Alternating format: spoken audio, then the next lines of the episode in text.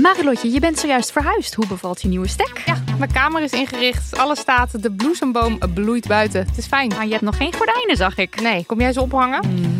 Maar het ding is dus, desondanks alles slaap ik als een koningin dankzij mijn matras van Emma Sleep. Een prinses zonder ert ben jij. Al leg je een ert onder mijn matras, ik denk niet dat ik er last van heb, want het is een hemelsding. En dan heb ik ook nog mijn Emma Diamond Pillow. Jouw slaapkamer is een slaapparadijs. Wil jij dat nou ook? Ga naar emma-sleep.nl en daar vind je moederdag sale met kortingen die oplopen tot wel 50%. En met de code DAMNMONEY aan elkaar eh, komt daar nog eens 10% extra korting bovenop.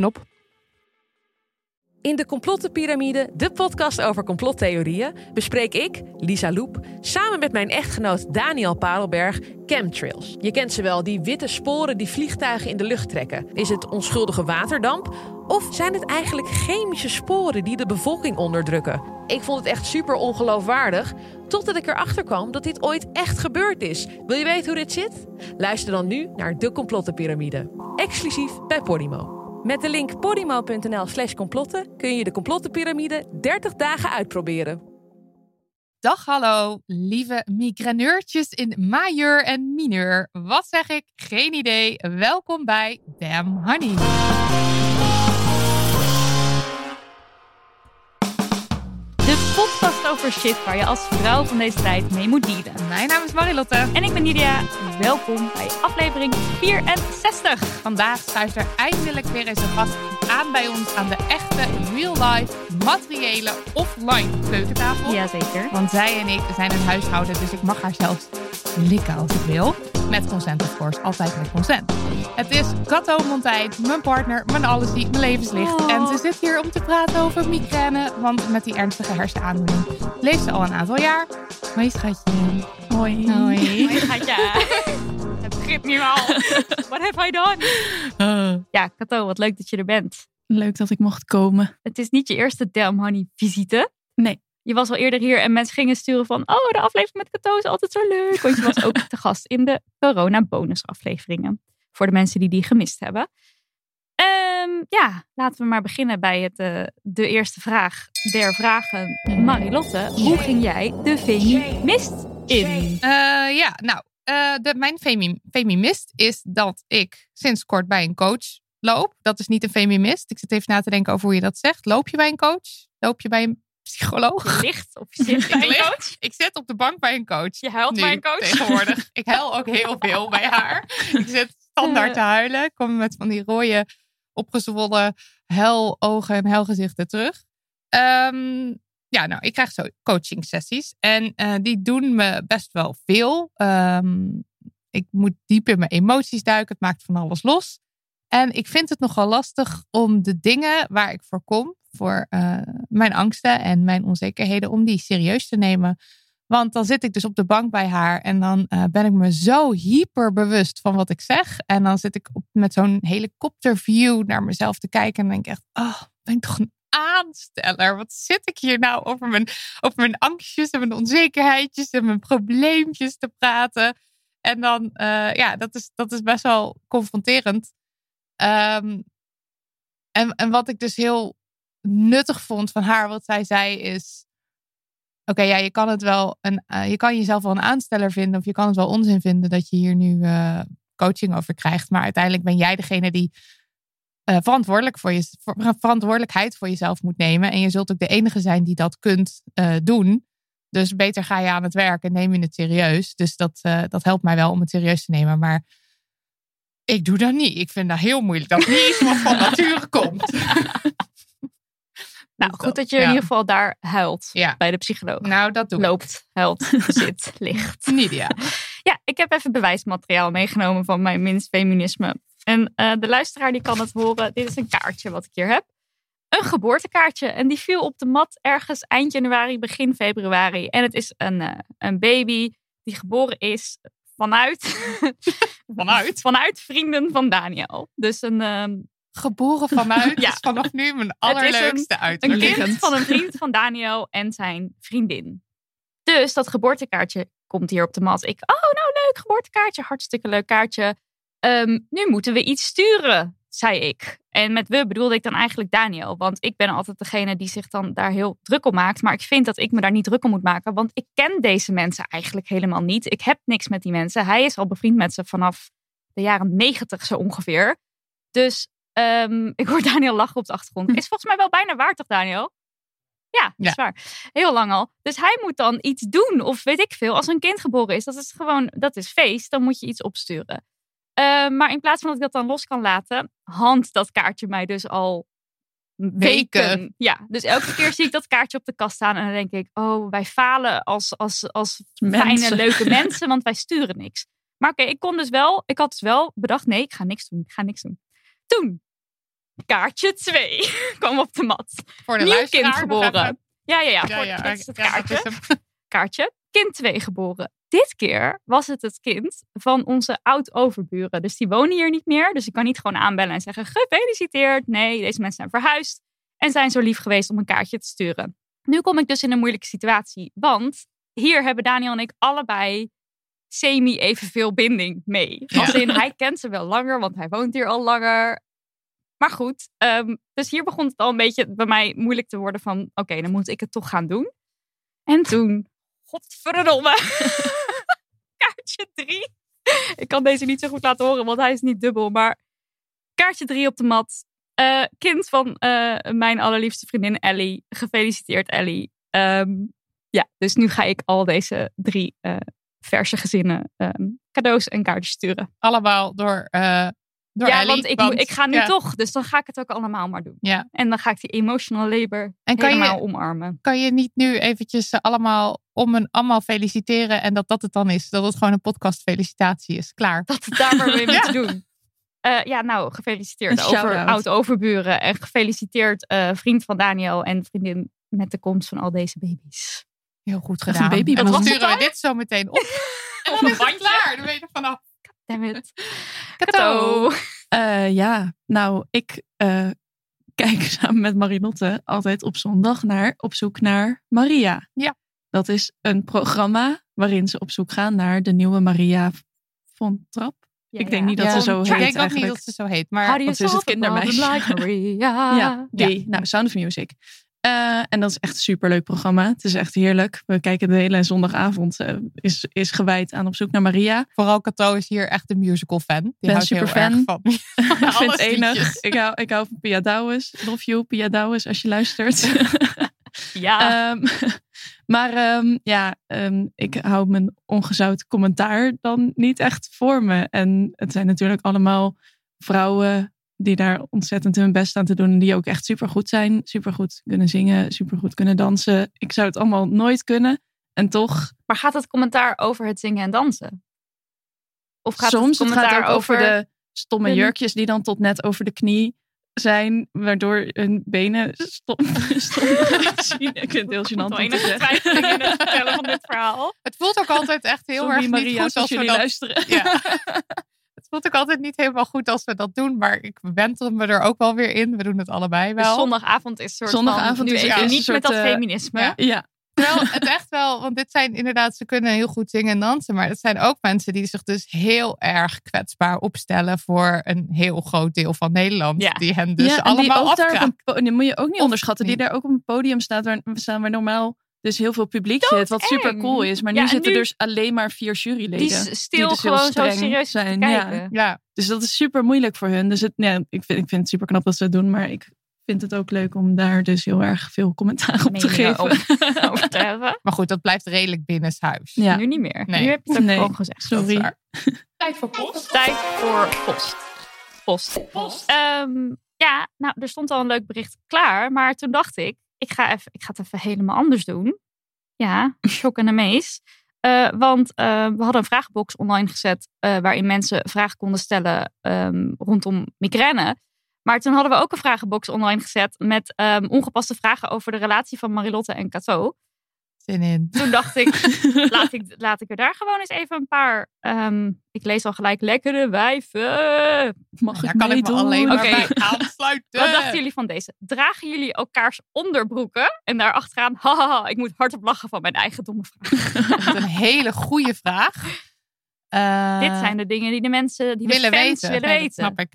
Ehm Kato, dragen wij elkaars onderbroeken? Niet meer Nee, sinds we niet meer. samenwonen. Is, het, is de Ja. liefde nu al voorbij? Ja. Nou, af en toe was het toen we nog niet samen woonden dat je dan je onderbroek vergeet. En dan moet je, maar goed, mijn kont is een stuk groter dan Kato's kont. Dus dat is nogal proppen. Dat is niet ideaal. Proppen. Jij, jij kan mij wel mijn, proppen. jij kan wel mijn Ja, maar ik vind niet dat jij fijne onderbroeken hebt. Nee, daar heb jij ik vind ook mijn eigen onderbroeken heel fijn. Ja, snap ik wel. Zijn ook ik heb hartstikke helemaal geen behoefte aan jouw onderbroeken. Next. Ehm, ja, god. Het zijn heel veel, heel veel leuke, lieve berichtjes. Wie versierde wie? ja, Ja, dat was zo. Oh, we waren gewoon heel dronken. Twee. Oh, dus eigenlijk was het gewoon dankzij ik kan drank. me daar dus weinig van herinneren. Nee, nee, nee. Ik weet het nog wel. Want Kato zei op een gegeven moment... Oké, we waren in een club. Wij waren allemaal hartstikke dronken, iedereen. En toen zei jij tegen Jules, een gemeenschappelijke vriend van ons... dat je wel met mij wilde tongen. En toen kwam Jules diezelfde, datzelfde moment ongeveer aan mij vertellen... dat dat dus aan de hand was. Dat jij wel met mij zei, wilde Kato is nu klaar om met je te tongen. Kato is nu klaar met je Het is te klaar u tongen. te Ja. ontvangen. En toen dacht ik, oh nou, Kato wil wel met mij tongen. En toen heb ik daar eventjes over nagedacht met mijn dronken brein. En toen dacht ik, ja, ik wil ook wel met Kato tongen. En zodoende, denk ik een beetje. Ja, En ook even dan eh, een shout-out naar Jules. Want die maakt dus samen met Daniel van de Poppen de Neeman podcast. Ja, Ja, Een ja, soort, ja, ja, soort spin-off van Wat ons. echt heerlijk is Ja. ook. Maar goed, dat terzijde. Ja. Favoriete move in de slaapkamer? Even Vinden jullie het leuk hoor. dat ik dit doe? Ja, heerlijk. Heel leuk. Eh, wat is de favoriete move? Ik weet het echt niet. We hebben niet echt te veel. Er wordt weinig bewogen in de slaapkamer. Weinig Nee, we bewegen nooit. Stil Wat vinden liggen. jullie het vervelendst aan elkaar? Oh. Oh, weet je wat ik het vervelendst Oh, vind aan leuk. Marilotte? Dat heeft Heel ze wel meteen. En dan, en, dan, en dan die move niet. En dan dit wel. Nou, Ehm, nou, Marilotte heeft, en dat is ze wel aan het leren hoor. Dus Nou. het gaat al iets beter. Maar ze is er voor eh, bij, de, bij de coach. Ehm, ze heeft de neiging om niet goed de deksel of doppen van dingen dicht te Ja, draaien. dat is wel waar. Waardoor Oh. als ik uit de koelkast iets bij de deksel vastpak, Oh. Valt die heel eraf. En dan vervelend. soms valt er bijvoorbeeld een potje augurken om. Ja, omdat dat dan die is deksel er niet goed op zit. Dat is echt heel vervelend. Maar ik ben het aan het leren. Het gaat Ja. wel steeds beter. En Ja. andersom? Ehm, nou, ik vind weinig dingen vervelend aan jou hoor. Slijmbal. Ja, nou, dat is echt zo. Ik vind het. eh, ik vind het. Nou ja, jij bent gewoon heel erg opruimerig. En soms dan kan ik me even weer helemaal wentelen in mijn basisstaat van zijn. Namelijk dat ik niet opruim. En dat dus gewoon alles, in, alles overal ligt. En ik heb wel altijd een beetje van het gevoel van de boel moet netjes. Maar dat is door. De maar dat is niet een. is dat vervelend? het is niet Of dat vervelend. eigenlijk heel fijn. Nou, het, is verve- het is fijn als het opgeruimd is, maar het is vervelend soms als ik geen zin heb om op te ruimen. Zijn jullie nooit jaloers op elkaars lichaam? Niet lullig, maar ik zou dat namelijk wel zijn, denk ik. Nee. Jij? Mm, nee. Ben je Eigenlijk op niet. dit lichaam? Het is eigenlijk Ik juist vind wel het prettig. heel want je mooi kan aan dat lichaam zitten. Hoef je Ja. het niet zelf Ja, te precies. hebben. Ik kan er lekker naar kijken Ja. en aan voelen. Ja, en een beetje zo likken. En, En dan zo. als allerlaatste... Ja. Ik denk dat likken mijn favoriete move is, als ik er nu zo over nadenk. Ja, ik hou wel van likken. Alles. Goeie. Eh, waarom zijn jullie zo damn hate? Dat is de laatste vraag waarmee ik wil afsluiten. Goeie vraag, goeie vraag. Je vergt eh, jarenlange oefening. Voor veel mensen, wij zijn ermee geboren. Mooi Ja, meegenomen. daar sluit ik me bij aan. De, de, de Ja. echte poststuk. Het echte poststuk. Oké, hou je vast, want het is een soort filosofisch eh, stuk, opgeschreven stuk. Gaan we. Hoi. nu komt het. Hoi. Een discussie die ik vaak heb met andere linkse mensen is of het tolerant is om bepaalde meningen uit te sluiten. Zelf denk ik dat tolerantie een paradox is en dat je door overal tolerant voor te zijn, dus haakjes de meningen van FVD'ers bijvoorbeeld, niet meer echt tolerant kan zijn. De zaakjes naar minderheden. Anderen zeggen dat je er wel altijd mee in gesprek moet blijven. En dan is er mee in gesprek blijven bedoelen ze met de tolerante mens omdat er mogelijk nog een kans is dat ze bijdraaien. Dit zijn meestal witte, abled personen die dat vinden en ze hebben als argument dat het beter is dat zij het doen In gesprek blijven gaan? met de intolerante mens, Ja. dan dat de minderheden dat moeten doen. En dan wel op zo'n manier dat je niet over de minderheden heen praat, maar vooral hun geluid weerkaatst of vergroot, of in ieder geval hun stemmen vergroot. Mhm.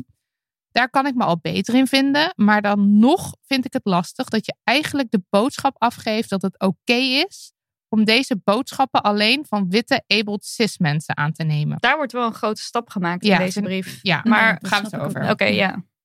Dan is het ook nog van belang in welke situatie je zoiets doet. Is het in een georganiseerd debat meer oké om wel te spreken met tolerant. Oh, wacht. Is het in een georganiseerd debat meer oké om wel te spreken met of tolerant te zijn naar mensen met deze meningen dan het is als je ze bijvoorbeeld tegenkomt in de kroeg? I don't know. Hoor graag wat jullie vinden. Liefs, Suus. Vooral moeilijk, man. Ja. Ja, het is een beetje een filosofisch ehm, stuk. Ik vond het leuk dat ze het woord paradox gebruikten, want jij kwam laatst ook met, eh ja, met ik die heb er paradox. zo van alles over te zeggen. Maar Ja. eerst even dat ene, die ene stap, die snap ik dus niet helemaal. Van dat je dus, Dat mensen dat alleen aannemen van ja, witte van, abled ja want ik, wat ik me dus wel, ik weet niet of ik nu te snel ga, maar wat ik wel snap, is het idee, ehm, als jij als bijvoorbeeld persoon van kleur of als gay mens ehm, het gesprek aan moet gaan met iemand die maar blijft zeggen dat jij er niet mag zijn, dat jij niet bestaat, dat jij, nou ja, genezen moet worden. ik, ja, ik zal het niet allemaal, eh, want het is gewoon walgelijk, dus ik hoef het ook niet te herhalen. Maar dan die stap om de verbinding te blijven zoeken, is dan natuurlijk heel groot. En het is heel makkelijk om te zeggen, jij moet daarmee in gesprek blijven gaan. En ehm, we hadden een post gedeeld van eh Nanoa, die ook te gast is geweest bij ons. En die schreef zoiets van, nou, blijf lekker in je linkse bubbel de komende tijd, na de verkiezingsuitslag.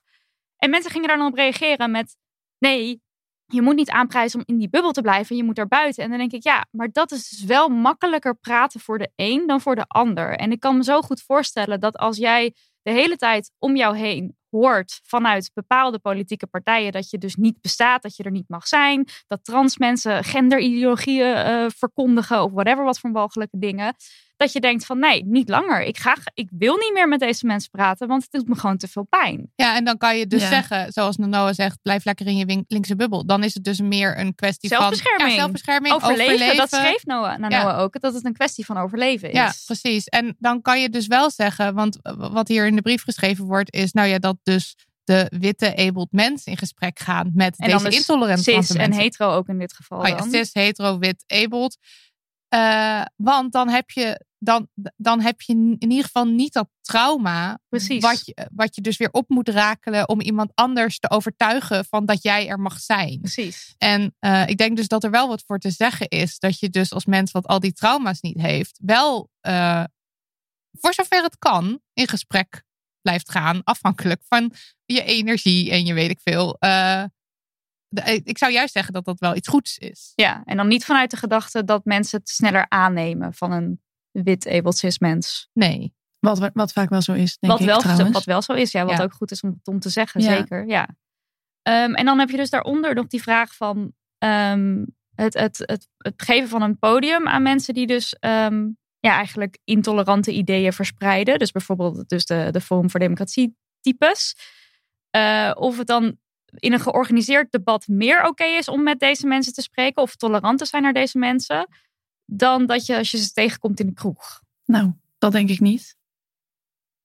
Want ik denk ook dat je een beetje een onderscheid moet maken tussen, zeg maar, de, tussen de leiders van dat soort bewegingen. Of de, zeg maar, de mensen die dat echt op heel hoog niveau doen. En de mensen die op dat soort mensen stemmen. En die mensen kom je tegen in de kroeg, denk ik. Die, de stemmers, de FVD-stemmers, zeg maar. En ik denk dat, je, dat het per situatie verschilt, maar dat je met dat soort mensen ook prima, eh, als je daar behoefte aan hebt en zin in hebt, en eh, als je dat aan kan op dat moment, dat je daar een gesprek mee kan voeren. En ik, dat soort mensen, ja, als iemand, als iemand helemaal niet naar je luistert en nooit eh, ehm, je argumenten zal overwegen, in ieder geval, dan kan je dat gesprek natuurlijk afkappen. Maar ik denk dat het is niet onmogelijk om een gesprek te voeren met dat soort mensen. Dus Mhm. ik denk dat je op die manier wel tolerant zou kunnen zijn naar die groep. Maar dan dus eerder in de kroeg dan op, op een, Eerder in een de debat. kroeg. Ja, makkelijker in de kroeg, denk ik ook. Maar ik denk dat voor een debat zullen juist de, de, Ja, de leiders daar heb je die uitgenodigd leiders. Dus worden. het, is, het zijn hele totaal andere situaties natuurlijk. Ja. Ja, en, en in hoeverre eh, verd- verdienen die intolerante meningen en eh, eh, een podium, Ja. kan je je afvragen. Ja, want dat is natuurlijk ook het verschil tussen in de kroeg en het gesprek aangaan. Of dus als zijnde, ehm nou ja, noem een talkshow of een krant of een soort Ja, ik grote denk dat dat misschien een, een betere vraag is. Of je die mensen, zeg maar, in een debat zou ik ze nog wel neerzetten, denk ik. Maar Ja, want dat is moet twee je ze de kanten. hele tijd uitnodigen in talkshows waar ze dus maar gewoon de kunnen hele gaan tijd lullen. Ja, waar ze Ja. dus weinig weerwoord krijgen. Ja, ja dat, Dat, is vind ik een, denk ik een belangrijkere vraag dan moet je met ze praten in de kroeg. Want ik denk dat je op zich best met ze kan praten in de kroeg. Ja, als je daar inderdaad de energie Ja. en de, de tijd en er alles voor hebt en je wil dat, dan ja. En als je dat niet hebt, dan is dat denk ik ook helemaal oké. Ja, Ja. en zeker als je nu naar de uitslag van de verkiezingen kijkt. En, je, en dan denk ik, oké, er zijn er dus blijkbaar heel veel. Waar doen die mensen hun boodschappen? En dan is het, je komt ze dus, blijkbaar zijn ze gewoon om me heen. Ook al zijn ze niet per se direct in mijn linkse bubbel. Dus dit zijn, dat, de conclusie die, ik daar, die je daaruit trekt, is het zijn ook gewoon hele normale mensen. Die je waarschijnlijk gewoon, waar je een, waar je een leuk gesprek mee ga- kan hebben als het niet over politiek Als het gaat. over de kleur geel Ja, gaat. precies. Ja. En dat vind ik altijd zo. Want het is niet zo dat ik, dat ik zomaar mensen af wil schrijven. En ik ben ook echt wel heus wel voor het idee van verbinding. Maar eh, je kan je ook afvragen van aan wie vraag je de hele tijd wie er Om te dan... verbinden. Ja. Ja. Nou, dit vind ik echt Ja, een hele goede. belangrijke. Want wij hadden, we hebben een post gemaakt over Sylvana die geframed werd door de media. Ga ik dit kort uitleggen? Misschien heel kort. De lijsttrekker van de Boerenburgerbeweging, die zat aan tafel met Sylvana Simons, lijsttrekker van Bijeen, ehm, bij Jinek. En vervolgens ging ehm, Van der Plas, dus dat is de lijsttrekker van de Boerenburgerbeweging, ehm, aan Simons vragen: hoe denk je er voor iedereen te zijn in Nederland? Voor heel Nederland. Wat ik ten eerste al een hele rare vraag vind, want het is Voor helemaal niet je die voor bedoeling. de boeren opkomt. Ja, Ja, dat, dat, ja. dat ten eerste. Je heet zelf de Boerenburgerpartij partij, en je komt met een tractor aanrijden bij de Tweede Kamer op het moment dat je verkozen bent. Dus daar heb ik allerlei meningen over. Maar goed, het hele ding is toch, we kiezen toch bepaalde mensen die ons gaan vertegenwoordigen. Dat is het hele idee. Ja. Want als er namelijk één iemand zal zijn die voor 17 miljoen mensen op kan komen, dan hoeven we ook geen verschillende partijen. Als, als dat is wat je denkt, wat nee, dan kan je er democratie... één, één mens neerzetten. En dat En die is dan regelt geen dan toch? democratie meer. Maar die Nee, regelt nou, heel dan. bizar. Nee, op voor iedereen. Nee, want het het gaat toch ook om de manier waarop je het wil regelen voor die 17 miljoen mensen. Ja, maar daarom heb je toch heel veel mensen nodig. Je hebt toch veel Er mensen zijn nodig verschillende, kijk, verschillende kijken op de zaken. En het dus- idee is dan dat ze dus in, in, in dat kabinet tot een compromis komen wat het allerbeste is voor heel Nederland.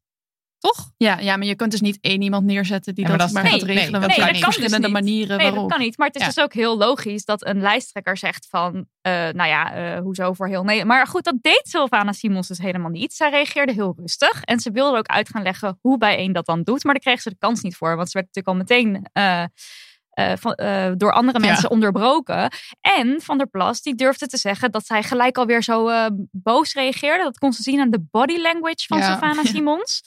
Wat weer een kwestie is van eh toonpolicing. Dus niet luisteren naar wat er gezegd wordt, maar het hebben over de houding en de toon van iemand. Want je mag Nou, niet en boos het zijn. stereotype beeld van de angry black woman. Precies. Want, eh nou, ik ga het vooral terugkijken. Er is helemaal geen sprake van agressie Niks. of boos of iets. Nou ja, als je, als je ergens uit op moeten maken dat er iemand aangevallen wordt, dan is het eh, Caroline van der Plas die Sylvana aanvalt en niet Precies. andersom. Precies. Maar goed, eh, nou, dus dit gebeurde allemaal. En mensen op Twitter, die zagen die scène, dat werd gedeeld op, eh, op Twitter. En die gingen daar een mening over vormen. Logisch, want wat hier gebeurde was niet oké. Overigens ook nog is het zo dat eh, op het moment dat Simons dan uiteindelijk het woord nam, dat Jinek zei, nou, ik ga even koffie halen. Ja, Ook weer zo classic. dus op het moment dat ze dan met een gedegen antwoord gaat komen, is het blijkbaar klaar. klaar. Of, heel bizar. Maar goed, ehm, toen gingen andere mensen eens eventjes in eh, de ehm, oude tweets van eh, Caroline van der Plas zoeken. En toen kwamen ze racistische en homofobe tweets tegen. En die heeft Sylvana Simons vervolgens ge- geretweet of in ieder geval gepost. En met een tekstje erbij van nou, nu snap ik dan ook wel meer waar deze vraag die ik eerst niet komt. begreep, Ja. snap ik meer waar die vandaan komt. Eh, wat gaan de media vervolgens eh, koppen in hun eh, artikelen? Ehm Sylvana Simons valt nu al, dat stond erbij, nu al ehm, eh, Caroline van der Plas aan. Ja. Dus, Een dergelijke kop. Oké, heel lang verhaal. Dit was een- natuurlijk een hele grote damn honey no. Maar wat krijgen we vervolgens in de DM? Mensen die zeggen, ja, ik vind dit heel erg. Maar we moeten wel oppassen voor polarisatie. En we moeten de verbinding blijven zoeken. Maar En wie is hier dat- nou aan het polariseren en van wie vraag je om die verbinding te Precies. zoeken? Want je vraagt dus van Sylvana Simons, die wordt aangevallen, dat zij rustig blijft wat ze Wat deed. ze doet. Ja. En dat zij niet, eh, eigenlijk dat zij zich niet mag verdedigen. Want wat zij deed was zich heel rustig verdedigen en daar komt commentaar op. ja, maar ook vervolgens op ons, denk ik. Hè? Dus dat die verbinding zoeken zit ook bij ons. Ja, dus dat wat wij, wij- doen ja. is ook weer, zeg maar, de media. Dat jullie daarover ja. hebben In dit geval oh, ja. dan dus AD en de Gelderlander en nog kranten, Goudse Dagblad of zo.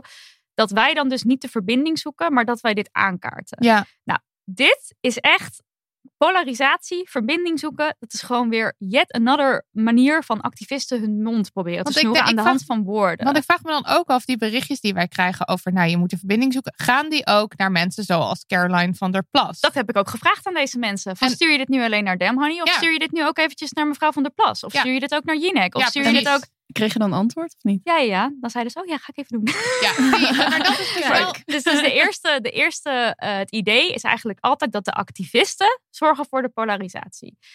En Ja, de dus activisten maken het ongezellig. Ja, de activisten maakten het ongezellig. Terwijl het was al ongezellig. Want de wereld was al ongelijkwaardig. Dat is in eerste instantie de reden waarom de activisten zich uitspreken. Maar ik wil het heel even nog over dat polarisatie hebben en dat verbinden. Want het zijn dus weer woorden die worden gebruikt om activisten de mond te snoeren. En hiervan heb je heel veel voorbeelden. En vooral als je op Twitter zit, zie je dit heel veel voorbij komen. Bijvoorbeeld het allerergste scheldwoord ooit. De social justice worker. Of warrior. Wat is Ja, het? warrior. Warrior. Nou, dat mag je natuurlijk absoluut woke. Mag je ook absoluut niet zijn. Gadverdamme. Je zal maar woke zijn of opkomen voor mensenrechten. Zeg gadverdamme. En Nou, dan dat verander echt... je in de vleesgeworden cancel culture. Ja, zoals, ik dan weer genoemd wordt genoemd. door Vizier op links. Onze, eh, nee, ik ga niet eens zeggen vrienden voor de grap, want het zijn gewoon echt walgelijke trollen. Ehm, de good old slachtofferrol. Ja, Ook zo'n woord van ja, maar jij moet niet in de slachtofferrol gaan zitten. Ehm, en nu zie je dus dat de woorden polarisatie, ehm, dat het woord polarisatie hip en happening is om dus activisten mee aan de kant te schuiven. Want jij zorgt voor polarisatie en polarisatie is slecht. En je kunt maar beter je mond houden over onrecht, want anders dan ben je aan het polariseren. Ja. En als je dan, oké, vooruit, je mag het misschien wel aankaarten, maar je moet het lief doen, gezellig doen, leuk doen. Dus je mag er wel over praten wat jou wordt aangedaan, maar je mag niet laten merken dat je misschien ook boos wordt over datgene wat jou Ja, wordt nee, aangedaan. inderdaad. Doe het met humor en omdenken En rustig. En, Ja, en eh, ook als je het dus rustig doet, zoals Savannah Simons dat doet, dan nog ben je boos. Want jouw val- body language vertelt dat je dat heel boos doet. Ja. Dus je kunt het op geen enkele manier goed doen. En wat mensen ook zeggen van ja, het is gewoon je eigen schuld hoor, dat mensen niet naar je luisteren. Want jij zegt het allemaal zo agressief. Ehm, dus Ja, dat is weer de en- toonpolicing. En wat we dus ook best wel vaak krijgen, is dat eh, mensen sturen van, nou, ik vond Sylvana Simons eerst een schreeuw lelijk, maar nu ik jullie podcast heb geluisterd of haar een keer in gesprek heb gehoord, eh, toen vond ik dat niet. En dan denk ik, waar komt je idee dan vandaan dat zij een schreeuw lelijk was of is? Ja. Hoe Ja, kom hoe je op dat- idee? Ja. Dat heeft de media, of dat heeft in ieder geval de, de beelden die jij, of de, of de mensen hebben jou dat, de mensen hebben jou Ja. dat verteld, de media hebben jou dat verteld. En je hebt dat dus gewoon aangenomen. Ja, en sowieso, al zou zij, zij heeft natuurlijk alle recht om te schreeuwen of om boos te zijn. Eh, en politici, die spreken zich wel regelmatig fel uit, toch? Dat is toch ook gewoon het hele idee van In de eh, een mening hebben, in de politiek zitten, iets te zeggen hebben. Ehm, ja, goed. Dus, en oh ja, en nog een ander ding. Je moet allemaal lief en rustig zeggen. En je moet natuurlijk heel geduldig zijn. Dus Ja. je moet niet willen dat Zwarte Piet nu al weggaat. Nee, maar over twintig jaar. Ja, want dan terwijl- is het gewoon... Weet je, we zijn al tien jaar, de eerste actie van eh, Zwarte Piet is racisme komt uit 2011. Dus we zijn al tien jaar bezig. Daarvoor spraken mensen zich ook al heel lang uit. Maar we moeten het alsnog tijd geven. Rustig aan, langzaam. Want anders ben je aan het polariseren. En je bent aan het drammen. Klimaatdrammers, dat is ook weer zo'n woord wat gebruikt wordt natuurlijk. Ik word er gewoon zo moe van dat we dus elke keer kijken naar de activisten, naar de nou ja, linkse mensen of naar de mensen die dus opkomen voor onrecht. En dat we bij hen neerleggen dat zij moeten zorgen dat het land weer samenkomt. Terwijl eh, Wilders roept dat er minder eh, Marokkanen moeten zijn in Nederland. Afschuwelijk. Hij heeft eh, toen eh Kauthar eh Boukhali ehm, de, een, een voorkeurszetel kreeg, heeft hij getweet een zwarte dag voor Nederland. Dat soort dingen worden gezegd. En wie moet er voor verbinding zorgen? De mensen die op zoek zijn naar. Verpest worden. Ja, de mensen die. Nou, echt. Maar ik vind en, het, het, en het is, want over een zwarte dag voor Nederland, als, als Wilders dat tweet, dan is daar heus ook wel een beetje ophef over. Maar dat komt dan van de linkse activisten, denk ik Ja. voornamelijk. Maar als linkse activisten zich uitspreken, dan valt er echt een hele, hele stroom van ellende over ze heen. Ja, sowieso is het natuurlijk heel goed. Nou goed, de laatste tijd eh, is het zo geweest dat eh, de media werd de hele tijd afgeschoven, al afge, hoe zeg je dat, weggezet als te links. Dus daar moet je niet naar luisteren. Eh, universiteiten zijn allemaal te links, daar moet je niet naar luisteren. Links zijn is überhaupt iets goors en vies waar je maar niks mee te maken moet hebben. Want ja, het en is- het is heel erg van de linkse, de linkse indoctrinatie is bezig en verspreidt zich steeds meer over het land. Nou ja, Terwijl dat Dat is als echt je goed nu, gelukt. Nou, net zeggen, als je nu naar de verkiezingen kijkt, het is echt het is niet aan de hand. Ja, Mogen wel wat beter hun best doen, die. En dus is het, het is echt, echt van. Die, die beeldvorming klopt gewoon niet. Maar mensen worden dan toch bang gemaakt met dat beeld dat, dat links van alles af gaat nemen ook of zo. Ja. Terwijl er dus bij bijvoorbeeld Forum voor Democratie antisemitische en nazi-uitlatingen in appgroepen rondgaan. Ja, en dat- mensen gewoon weer op deze mensen stemmen. Ja. Dat is toch werkelijk waar onge... Nou, ik vind het echt bizar dat mensen dat, dat doen. Of nou, bizar is misschien niet het goede woord.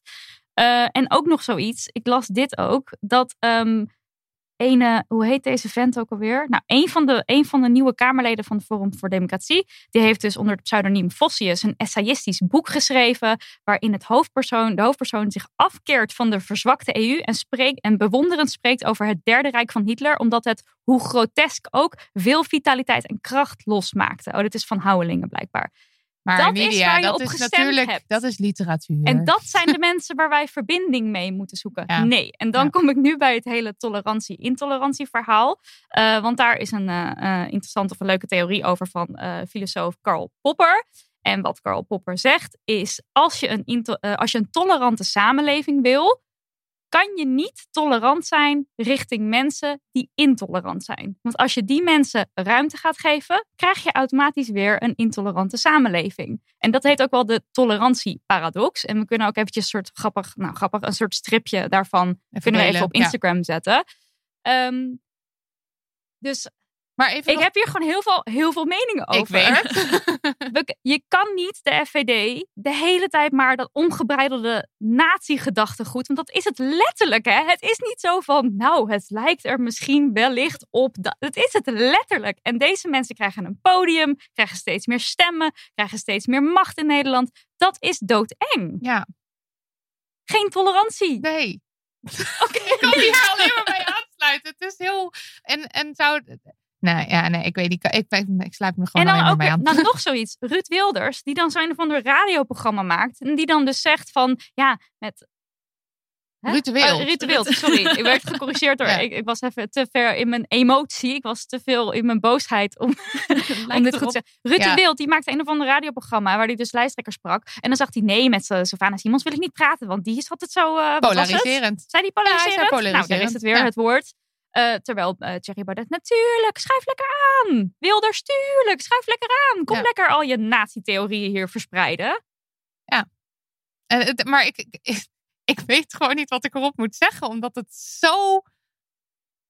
Zo raar. Het is zo apart. Ik kan er gewoon niet bij. Hoe je dus mensen die ook, dan, hè? die dan gewoon eventjes, die dan iemand aanspreken of, of ge- ja, linksactivisten die echt voor een betere, gelijkwaardigere, eerlijkere wereld vechten.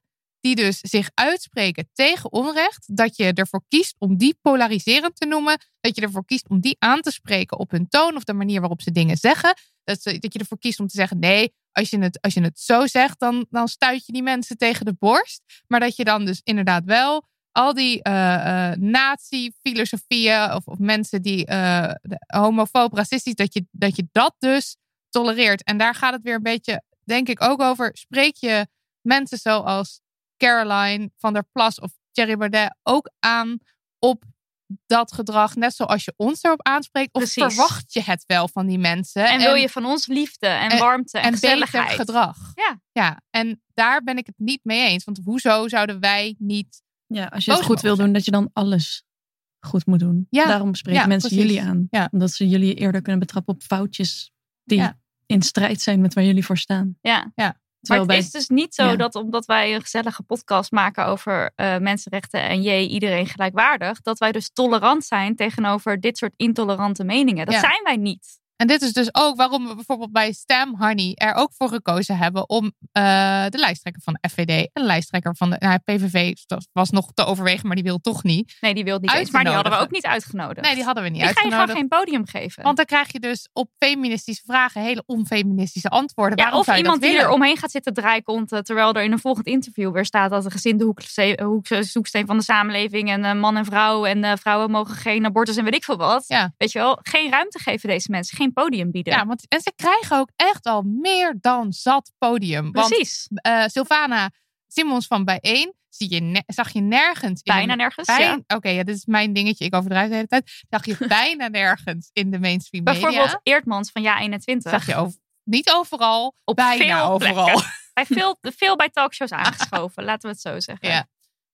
Nou ja, erg- maar goed, als we dan weer even helemaal teruggaan naar het kathoderpunt van in de kroeg versus het grote podium bieden. Ja, dat jij het gesprek aan blijft gaan met mensen ehm, in een huiselijke kring of whatever. Ja, dat lijkt mij eh, goed als, je, dat- als dat jou lukt. Ja, en, vind en ik jij ook alleen maar dat. aan te moedigen. Ja, als, vind als, ik het, ook. als het je lukt en als je er niet aan onderdoor gaat. En als je niet het gevoel hebt van nou, mijn selfcare is helemaal nu te gronden gericht door dit gesprek.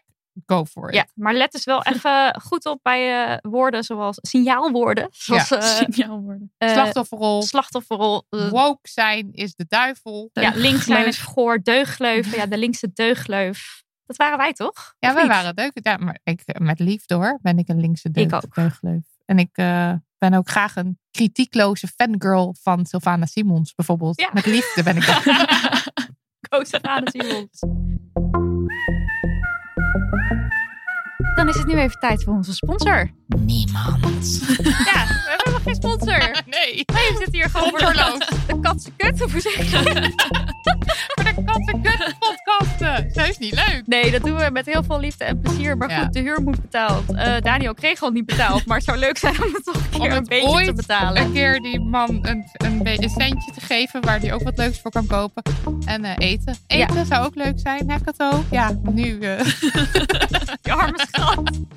Is alleen maar vandaag te gast om ja, het over eten gaat. eten. Nee, eh, hoe kan je helpen? Want je kan dus wel helpen Absoluut. via petje.af. Ja. En eh, daar hebben wij een pagina en daar kan je geld doneren. En dat kan je eenmalig doen als je dat eh, leuk vindt. En je kan het ook maandelijks doen. En maandelijks is voor ons heel fijn, want dan hebben we wat vooruitzicht op de komende Ja, tijd. een beetje zekerheid voor de, de toekomst. Ja. En dat kan via www.petjeaf slash damhoney. Nee, dat was helemaal niet goed. Petje.af slash damhoney, Dat denk is het, ja. Petje. Mensen vinden het wel. Waarom begin ik ook met www? Wie doet dat nog? http dubbele punt slash slash. slash www.petje.af slash damhoney. Ja, dan En kan je dit is dan op het internet? Het internet, ja. dat is iets nieuws. Goed, in ieder geval, je kan ons daar dus een beetje steunen. Dat zouden we helemaal fantastisch vinden. En eh, we zijn ontzettend van plan om ook bonusafleveringen daar te gaan ehm, plaatsen. En dat het betekent is er nog niet voor gekomen, maar dat En- willen we echt doen. Ja, en dat betekent dan dat we eh, nou ja, bonusafleveringen maken die dan alleen te beluisteren zijn voor de mensen die ons maandelijk steunen. Ja. En dat hoeft ook echt niet een fortuin te zijn. Dat is gewoon misschien een euro per maand, whatever je kan missen. Als het maar iets maandelijks is, want dat is fijn. Ja, en wat je wel al nu krijgt is een Damn Money ringtone. Ja. Als je maandelijk steunt trouwens. Niet als je eenmalig steunt. Ja. Sorry. Dat was hem. Dat was het dag. Groetjes.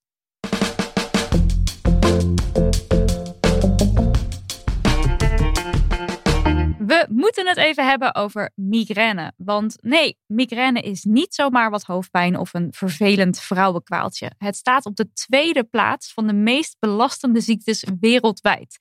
2 miljoen Nederlanders hebben minstens één keer per jaar een migraineaanval. En de helft daarvan, dus dat zijn een miljoen Nederlanders, heeft zeker eens in de drie weken een aanval. Een kwart zelfs meer dan eens per week. En dan is er ook nog eens een groep met chronische migraine. En dat zijn mensen die eh, meer dan de helft van de dagen aan de ziekte lijden. En al is het geen ziekte die alleen bij mensen met een baarmoeder voorkomt, uit onderzoek blijkt dat 33% van de vrouwen in hun leven last hebben van migraine tegenover 13% van de mannen. Ja, echt zoveel, hè? Dat betekent dus tien vrouwen ongeveer drie. De, als je de tien mensen dan drie. Ja, ik, maar Gisteren dat- was je ook al zo aan het. Maar het zijn gewoon heel ik veel moet het mensen. soms concreet Ja. maken voor mezelf. Zo van als je dus in een klaslokaal zit, dan, nou ja, dat is gewoon- 33% is het van de 10 mensen, 10 vrouwen in je klas, zeg maar, zijn er drie, Ja, 3,3 die migraine hebben. Ja. Eh, goed, maar het is, ondanks dat er dus zoveel mensen het hebben, is er wel veel onbegrip over de ziekte. In, de, in het, een beetje zo in de trant van, ach, je kunt toch wel komen werken. En er zijn ook heel veel hardnekkige mythes van, eh, je hebt gewoon wat stress, ontspan toch lekker. En dit alles leidt weer tot schuldgevoel en schaamte bij mensen met migraine. Ik had geen idee wat migraine was, voor ik Cato ontmoette. Uh, ik dacht dus altijd knetterende hoofdpijn. Dus niet dat ik er nou heel licht over dacht, maar wel gewoon, ja, nou ja, een hele heftige vorm van hoofdpijn. Nou, na drie jaar saampies met deze meid weet ik wel beter. Soms ligt ze echt creperend op de bank uh, of op bed en dan denk ik, waarom neemt de wereld dit niet serieuzer? En hoe ga ik overbrengen hoe erg dit is? En dat is nu onze beider missie geworden. De mensen vertellen over migraine. Um, wel eventjes gezegd hebbende, Kato, je spreekt hier niet vanuit een artsperspectief, maar vanuit een, het perspectief van een ervaringsdeskundige. Dus we gaan geen medische. Patiëntperspectief. Patiëntperspectief. we gaan geen medische uh, claims maken per se. Uh, toch ga ik je wel even een medische vraag stellen. Wat is migraine? Nou, dat is meteen denk ik de moeilijkste vraag die je kan stellen. Want ik geloof niet dat het duidelijk is wat migraine precies is of waardoor het komt. Um, er is daarvoor ook te weinig onderzoek gedaan nog. Plus, migraine is zo'n complexe, moeilijke ziekte. Dat, ja, daar, dat, daar komen ze gewoon niet uit. Dus dat, ze hebben nog geen oorzaak of iets gevonden. Wat wel duidelijk is van migraine, zeg maar hoe herken je dat je migraine hebt? Um, het is aanvalsgewijze hoofdpijn. Dus het is hoofdpijn die een duidelijk begin en een duidelijk eind heeft. Wat niet per se hoeft te betekenen dat het in één keer keihard erin knalt. Um, het kan zeg maar met een duidelijk begin geleidelijk opkomen en dan heel lang er zijn en dan weer opeens zo, vloep, dan is het weer weg. Um, um, wat volgens mij redelijk gebruikelijk is bij migraine is dat het eenzijdig is, dus aan één kant van je hoofd. Dat hoeft ook niet altijd zo te zijn. Uh, migraine is voor iedereen verschillend, dus iedereen die migraine heeft, heeft een andere vorm van migraine, heeft andere verschijnselen. Ik heb het aan de rechterkant van mijn hoofd, meestal. Soms aan de linkerkant. Die zijn verraderlijk, die aanvallen, want die zijn altijd erger dan ik denk. Nou, dat is het hoofdpijngedeelte, maar er, is, er zijn nog heel veel verschijnselen omheen. Heel veel mensen, volgens mij heeft een derde van de mensen met migraine, migraine met aura-verschijnselen. En dat is, um, ja, dat varieert van dat je lichtflikkeringen ziet uh, of vlekken voor je ogen tot um, volgens mij tintelingen in de zenuwen van je vingers. Um, sommige mensen raken helemaal halfzijdig verlamd van migraine zelfs. Um, dus het is, het is echt een soort crash in je hersenen die eventjes duurt en daarna is het weer voorbij. Dus dan kan je weer gewoon bewegen en heb je die tintelingen niet meer en die aura niet meer. niet iedereen met migraine heeft een aura. Ik heb geen aura. En het is erfelijk. Of in sommige ja, gevallen. In ja, waarschijnlijk is het genetisch bepaald of je migraine kan krijgen. Ja. En dat komt dan, ja, dat is, ja, het is vaak erfelijk. Ja, ik had, er, uh, ik had erover gelezen van um, meneer Ferrari. Ja. dat is een migraine-expert van Nederland. De meneer Ferrari. ja. Grappig. Um, wel kunnen we met zekerheid stellen dat migraine zijn oorsprong vindt in een combinatie van erfelijk bepaalde aanleg en andere niet-erfelijke factoren, zoals hormonale schommelingen. En het is dus een hersenziekte die ook vergelijkbaar is met epilepsie, geloof ik. Uh, ja, en um, wat je net al zei, van het is niet alleen die hoofdpijn, ook misselijkheid, overgevoeligheid voor licht en geluid. Mhm. En dan in combinatie, dan pas kan je het migraine noemen, geloof ik. Hè? Dus niet als je alleen maar hoofdpijn hebt, dan Nee, dan is het Ja, niet per ik geloof dat je minstens één van die andere verschijnselen ook moet hebben. Oh ja. Dus of misselijkheid of overgevoeligheid voor licht en geluid. Maar dat, ik weet dat niet helemaal zeker. Nee, nou ja, dat laten we daar dus ook niet eh, qua medisch niet, niet te diep op ingaan. In ieder geval is het veel breder dan alleen knetterende hoofdpijn. En wordt het nu wel veel gezien. Als je mensen nu vraagt, wat is migraine? Dan zeggen ze hoofdpijn. Hoofdpijn. Ja. Ja. Ja, ja Maar en- migraine is, ja, wat is migraine? Is eigenlijk het korte antwoord, is, is een hersenziekte. ja, en hoe een aanval ontstaat, geen idee. we. Dat weten ze niet. Nee. Hoe, is, eh, hoe ziet een aanval er bij jou eh, uit? Ehm, ja, nou, ehm, ja, de, ik, ik heb zeg maar een, een aankondigingsfase. Die hebben denk ik de meeste mensen met migraine wel. En dan komt de hoofdpijnfase. Dus ik heb een aankondigingsfase en dat is bij mij, het verschilt een beetje, maar ik word vaak heel erg somber. Ehm, en huilerig en sloom, heel moe, niet geconcentreerd. Hangoogjes. Ehm, hangoogjes. Ik word heel bleek ook. Mijn, Ja. mijn moeder ziet het altijd als allereerste van iedereen die zegt dan dat ik wit zie. En dan denk ik, oh, kut. ja. Want dan heb jij dan het dus nog niet eens door. niks. Nee. dan merk ik zelf nog niks. Maar dan, Hmm. als zij zegt, je ziet heel wit, dan denk ik, shit, dan gaat er wel iets komen. Ja. Eh, en dan, ja, dan komt de hoofdpijn en die, die begint als een soort klein kneepje achterin mijn hoofd. Dus alsof, er iemand met zo twee vingertjes achterin mijn hersenen knijpt, zeg maar. En dan, ja, dat, dat verspreidt zich redelijk snel door mijn hele rechter hersenhelft. en dan, ehm, als het heel erg is, moet ik echt blijven liggen. Dus dan kan ik alleen maar liggen en ademen, zei jij laatst. ja, liggen en ademen, dat is het. Ja, ehm, en dat duurt, ja, de hoofdpijnfase duurt bij mij gemiddeld volgens mij 20 uur. Heel lang. Ja, Het is niet meteen. Wij praten nu meestal in eh, termen van cijfers. Want als ik wil weten hoe erg het is, dan vraag ik altijd om een cijfer van Mhm. Cato, zodat ik een beetje kan inschatten wat het is. ja ik heb een pijn- pijnschaal van 0 tot en met 10. En Ja, 0 en is dan geen heb je hoofdpijn nog en nooit 10 is, gezegd. is de ergste pijn die je ooit heb gehad. Ja, maar jij houdt altijd de slag om de arm, Ja, omdat je denkt omdat dat het nog erger kan worden. Maar ik heb wel aanvallen van 9 gehad. Ja. Ehm, nou, die- dan heb je dus die pijnfase die heb je gehad. Dan krabbel je een beetje. Ja, op een gegeven moment kan ik dan weer wat beter opstaan. En eh, dan ga ik meestal even douchen. Dat helpt ook wel. Als de pijn al een beetje wegtrekt om het, om het iets van je af te douchen. En dan ga ik koffie drinken en nog een paracetamol nemen. Dan kan ik wel weer op de bank zitten. Maar dan zijn we dus wel 20 uur verder. Ja. Ja. Ja, vaak wel. En eh, nou ja, dan trekt de pijn. Op een gegeven moment is dan gewoon de pijn weg. Dan voel ik hem wegsliden. En dan ben ik super moe, nog een hele dag. En duf. En nou ja, nog steeds niet geconcentreerd. En zo. Dus, dus ik ben dan- er al met al wel drie dagen. Ja, want dan mee. is dan zeg maar wat je net zei van er is een duidelijk begin en een einde. Dus dan is er wel een einde aan die pijn. Maar Ja, dat, dat is niet zo. Ja, precies. Ja. Het betekent niet dat je dan weer helemaal, hallo, daar ben ik Ja, weer. nee. Eh, waar is mijn werk? Nee, Dat zeg nee. maar. En soms duurt het nog wel eens, eh, als de pijn dus echt weg is, nog wel een dag of twee voordat je tegen me zegt of me appt van, oh, ik voel nu ook echt de, de mist uit mijn hoofd wegtrekken.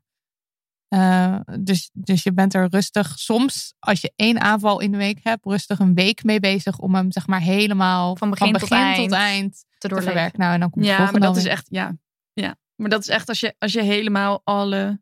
ja, het begin helemaal symptomen, goed ja. wil voelen, dan ben je er misschien wel een week. Ja. Ja. Maar waar ik er echt last van heb, is denk ik drie. Ja. Misschien iets meer dan drie, Drie dagen zeg maar uitgeschakeld. Ja. Ja. Ja, En- niet in, ja. Ik ga het wel gewoon door als ik er last van heb. Ja. Dus ik ben dan niet per se uitgeschakeld. En hoe komt dat dat je doorgaat? Mm, omdat ik moe geen argument vind om niet door te gaan. Dus een migraineaanval zit in jouw hoofd toch nog wel. Want daar hebben we natuurlijk in het intro ook over gehad. Dat mensen dat er misverstanden over zijn. Maar zelfs bij iemand die het zelf ervaart, zeg Ja. je dus nog van. Ja, maar moe zijn, dat is niet. Terwijl een migraineaanval is ja, dan niet moet moe tegen zijn. mijn werk gaan zeggen, ik ben moe, dus ik, dus ik kom niet. Dan denken zij ook, doei.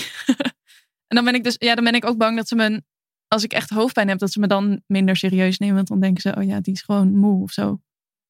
Maar het is ook niet zo dat jij met hoofdpijn niet werkt.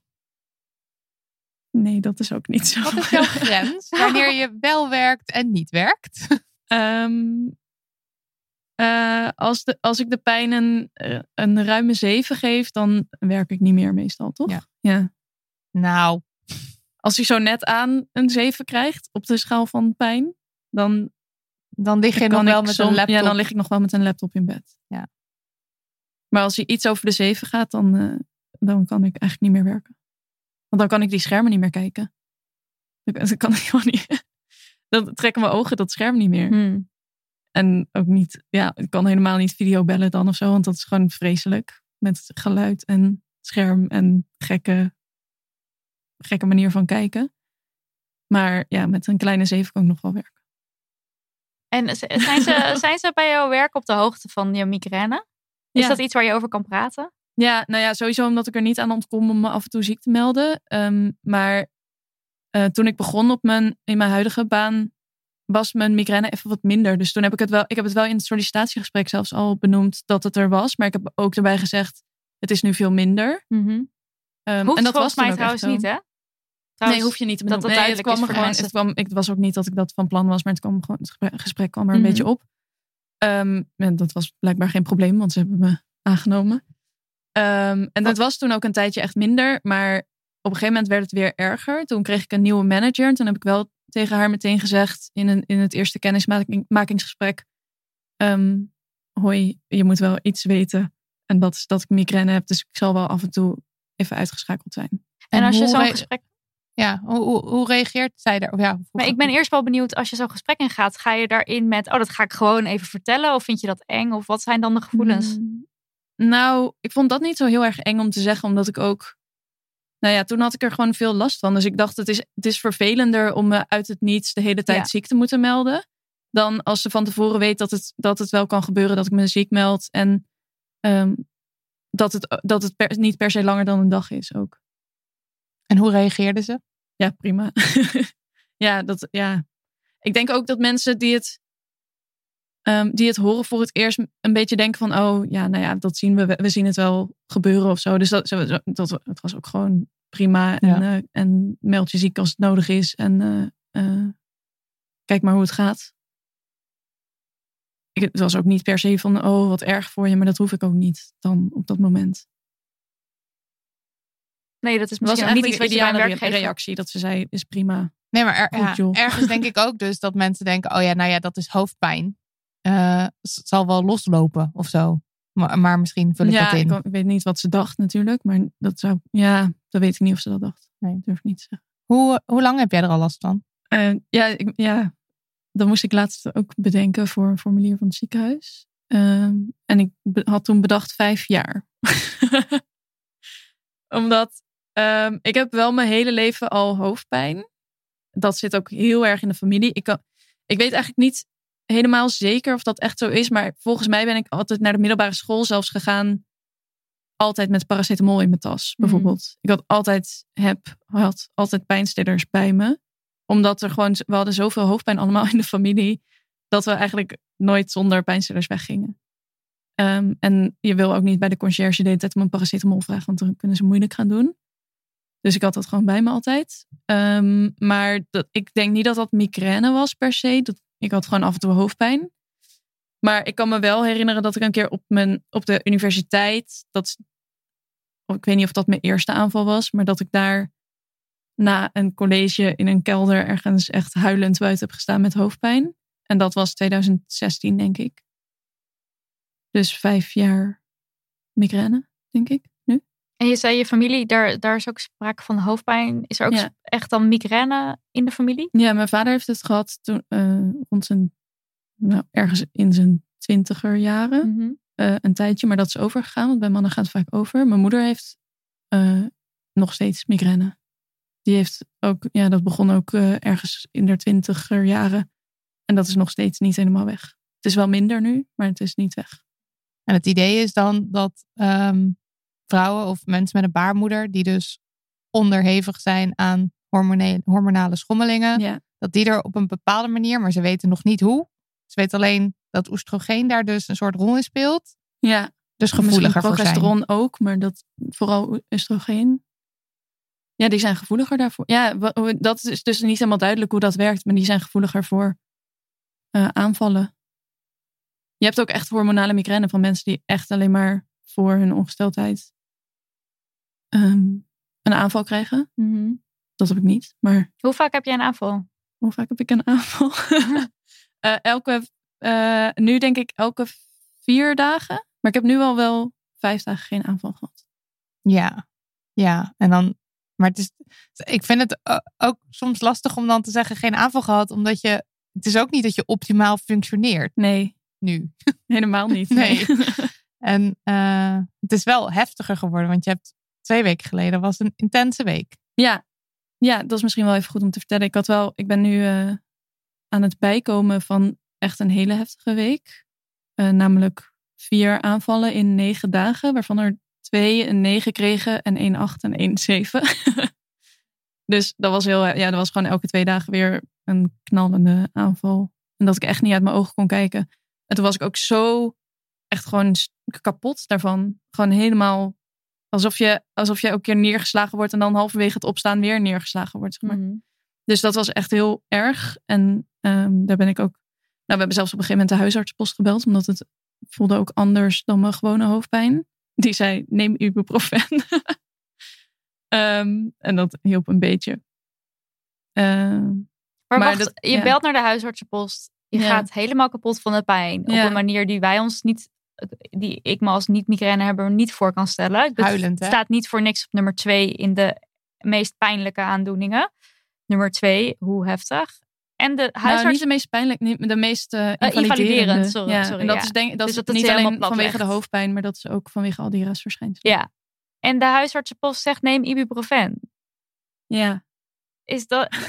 Is dat Is wat dat- je wil horen? Nou ja, Is ik weet niet. Ja, misschien is er niks anders wat ze kunnen zeggen. Maar hoe, dat klinkt voor mij als leek in ieder geval als neem even een pilletje en dan... Ja, maar de, ja, de, ja, het vervelende is dat er ook niet zoveel anders Hmm. tegen te doen is. Dus zij kunnen wel zeggen, kom hierheen, dan zien ze mij creperen. Ja, dan kunnen ze nog steeds niks doen. Nee, omdat het zo onbekend Omdat- eigenlijk ja. nog is. En Ja. ik, ik, was, ik was gewoon heel even bang dat het een ander soort hoofdpijn was. Ja, Omdat het zo alsof ik heftig was. doodging. Het Ja. was echt heel erg. Ehm, dus ik was heel even bang dat het niet migraine was, maar dat er, weet ik veel, voelde alsof er vocht in mijn hoofd liep en mijn schedel uit elkaar zou vallen. Ja. Ehm, dus daar, ik wilde ook, ik denk dat ik ook even die geruststelling nodig had. Mhm. Ehm, plus, ik had in die week, ik had dus daarvoor al drie aanvallen gehad, geloof ik. En ik ben een beetje huiverig voor te veel eh, pijnstillers nemen. Mhm. Omdat ik ook een beetje heb geleerd van dokters en van eh, me- nou ja, gewoon mensen die daar dingen over zeggen. Dat pijnstillers juist hoofdpijn kunnen veroorzaken. Als je het weer te veel als je dat neemt. te veel neemt, Ja. ja. Dus ik was een beetje, ik had nog niks genomen omdat ik dacht, ja, misschien moet ik hier gewoon even doorheen. Heb ik gewoon veel te veel pijnstillers gegeten in de afgelopen week. Ehm, en moet het gewoon even gebeuren. Maar ja, het was zo erg dat ik die, ja, ik had die ibuprofen wel echt nodig toen. En Wat je net zei over dat je kan daar wel heen gaan en dan zien ze jou daar creperen. Ik luisterde een podcast van het Tergooi ziekenhuis die jij ja, had getipt. een goede podcast. Ja, die zullen we ook in de show notes zetten. En toen zei die arts, die dus, dit is dus zijn vakgebied, die zei van ja, ik wist eigenlijk niet hoe erg het was, totdat ik patiënten in een aanval zag.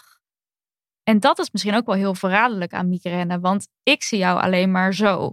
En, ehm, Ja, nu kom je Ik- goed uit je woorden en lekker Ja. vertellen. en, ik, en ik luister naar jou en ik, eh, en ik geloof ook dat het heel erg is. Ik ben ook niet jouw werkgever, dus ik kan gewoon eigenlijk heel makkelijk, nou dat klinkt raar, maar ik kan accepteren hoe erg het is, zeg maar. Ja.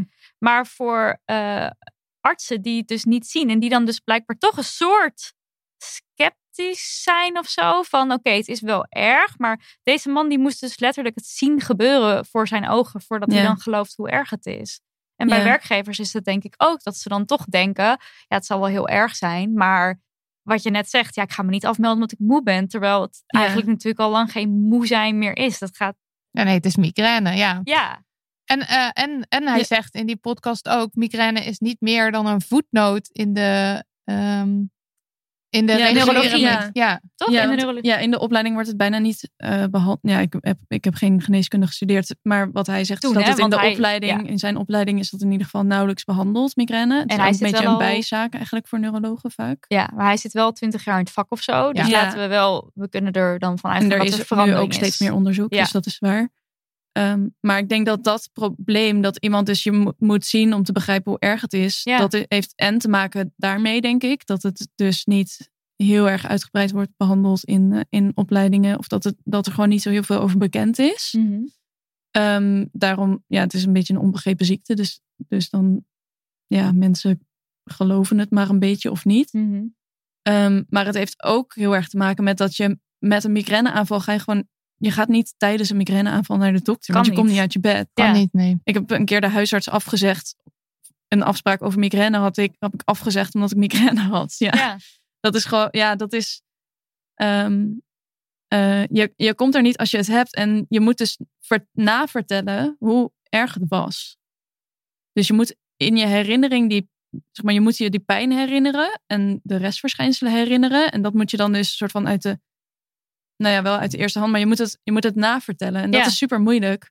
En ik heb een, ik weet niet of alle migrainepatiënten dat hebben, maar ik heb heel erg de neiging om het dan te gaan onderschatten. Ja. Afzwakken. Ja.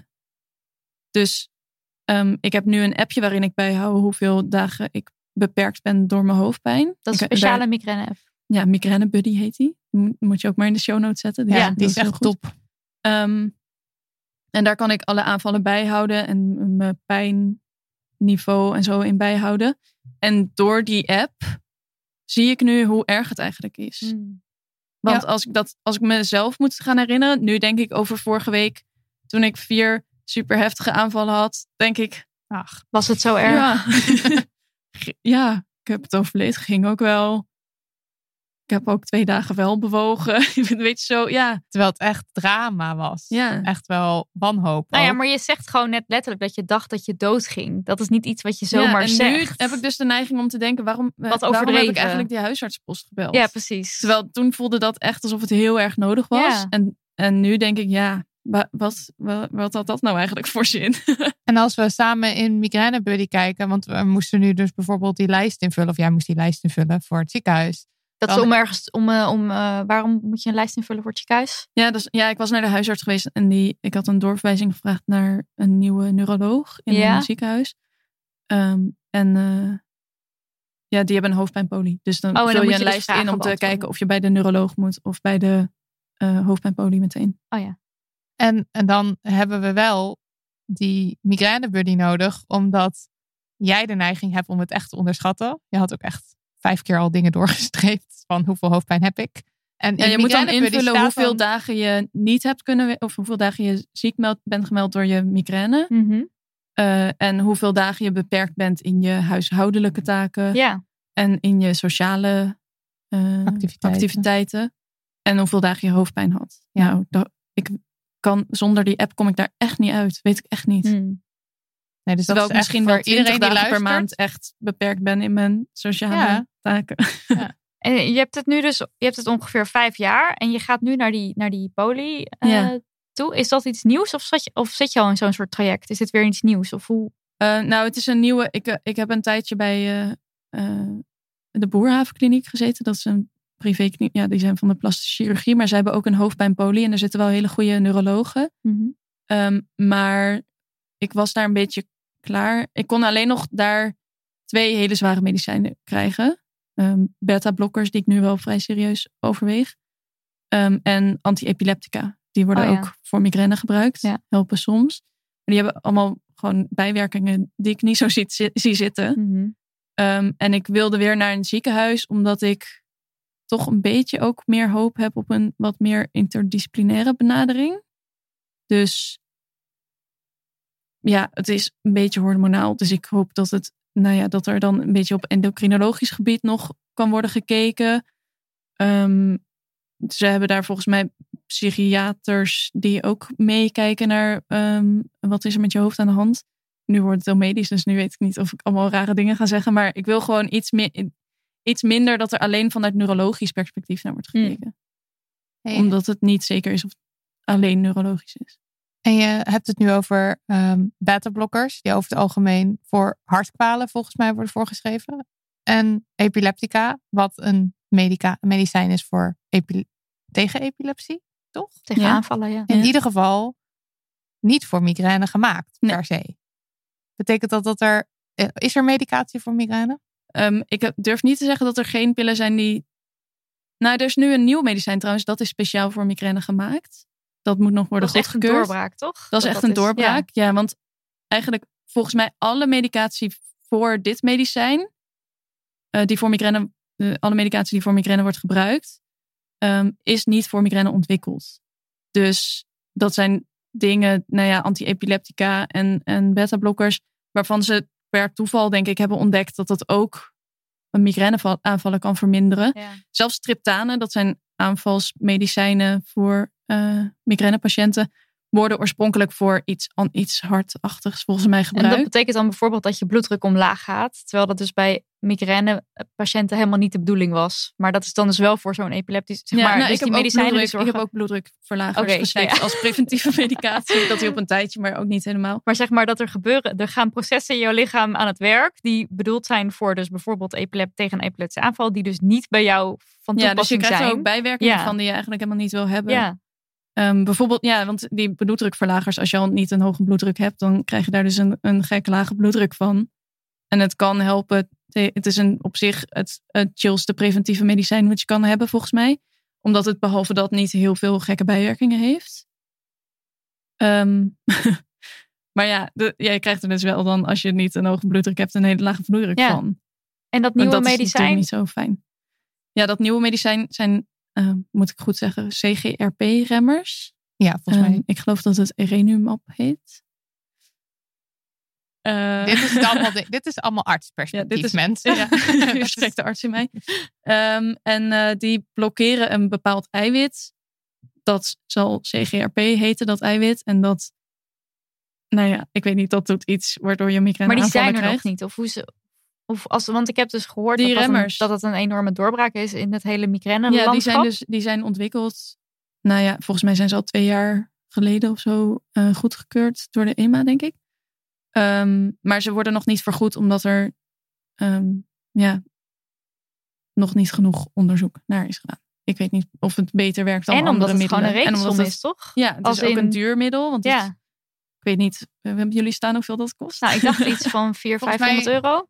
500 euro per patiënt per, injectie. maand. En, ja, dus je moet dus een maandelijke ja. injectie zetten. En dan Ja. zou het dus inderdaad zo'n 6000 euro per patiënt per jaar kosten. Ja. Ja. en dan als je dan weet hoe hoog, eh, hoeveel mensen migraine hebben en Ja. dat door gaat berekenen, dan is dat heel veel geld. En dan Ja. wordt het dus, gezondheid wordt dan dus een rekensom. Een, een kostenbatenanalyse, zeg Ja. maar. Ja. Wat heel afschuwelijk is. Ja, want absoluut. mensen kunnen niks met migraine. Nee. Ja, Ja, en, Dus en we ik- moeten heel erg lobbyen Ja. voor dat medicijn eigenlijk. En ik vind het dus best wel shocking dat dit het eerste medicijn is wat speciaal voor migraine is ontwikkeld, ja. ontwikkeld is. Ja, dus dat, dat heeft het heel lang is. geduurd. En ook eh, tot Maar het is toch ook, ze wisten heel lang niet dat er erfelijkheid in het spel was. En al die tijd daarvoor. Ja, Werd het weet- niet serieus ik, ik, genomen, misschien gewoon mijn mond houden, want ik weet niet of ik nou ware dingen zeg. Maar dat is geloof ik wat ik over heb gehoord van eh, die meneer Ferrari. ja, Dat het inderdaad niet serieus genomen werd. En toen Ja. in de jaren negentig of zo hebben ze dus ontdekt van oh, het is erfelijk. En toen opeens was het oeh. Ja. Ja. Ja. Dus dat is ook weer een beetje, dat heeft Annika Mel ook al wel eens hier verteld. Van op het moment dat mensen niet zo goed weten waar een ziekte vandaan komt, bestaat het niet. Is het niet ernstig? Is het niet. zit het tussen je oren, dan wordt, je, dan, dan wordt er dus eh, gezocht naar psychische oorzaken in plaats van fysieke Ja. oorzaken. Ja, omdat ze dus niet weten we waar ze moeten even kijken. over hebben. Jouw huisarts. eh, zonder te nemen en shamen. Maar eh, jij gaat naar je huisarts. Je Ja. zegt: Hallo, ik heb in negen dagen vier aanvallen gehad. Hoe reageert die? Nou, eh, ik had eerst een. Ik was, op, ik, was op, ik was naar de huisarts toegegaan. En toen had ik een waarnemend huisarts. Dus dat Mhm. was niet mijn eigen huisarts. Zij was super chill. Zij was echt. eh, zij, zij zei: Oh, nee, je hebt echt een rotweek gehad. Nou, zat ik meteen al te janken natuurlijk. En eh, ze nam het heel erg serieus. En ik had gevraagd om die doorverwijzing naar dat ziekenhuis.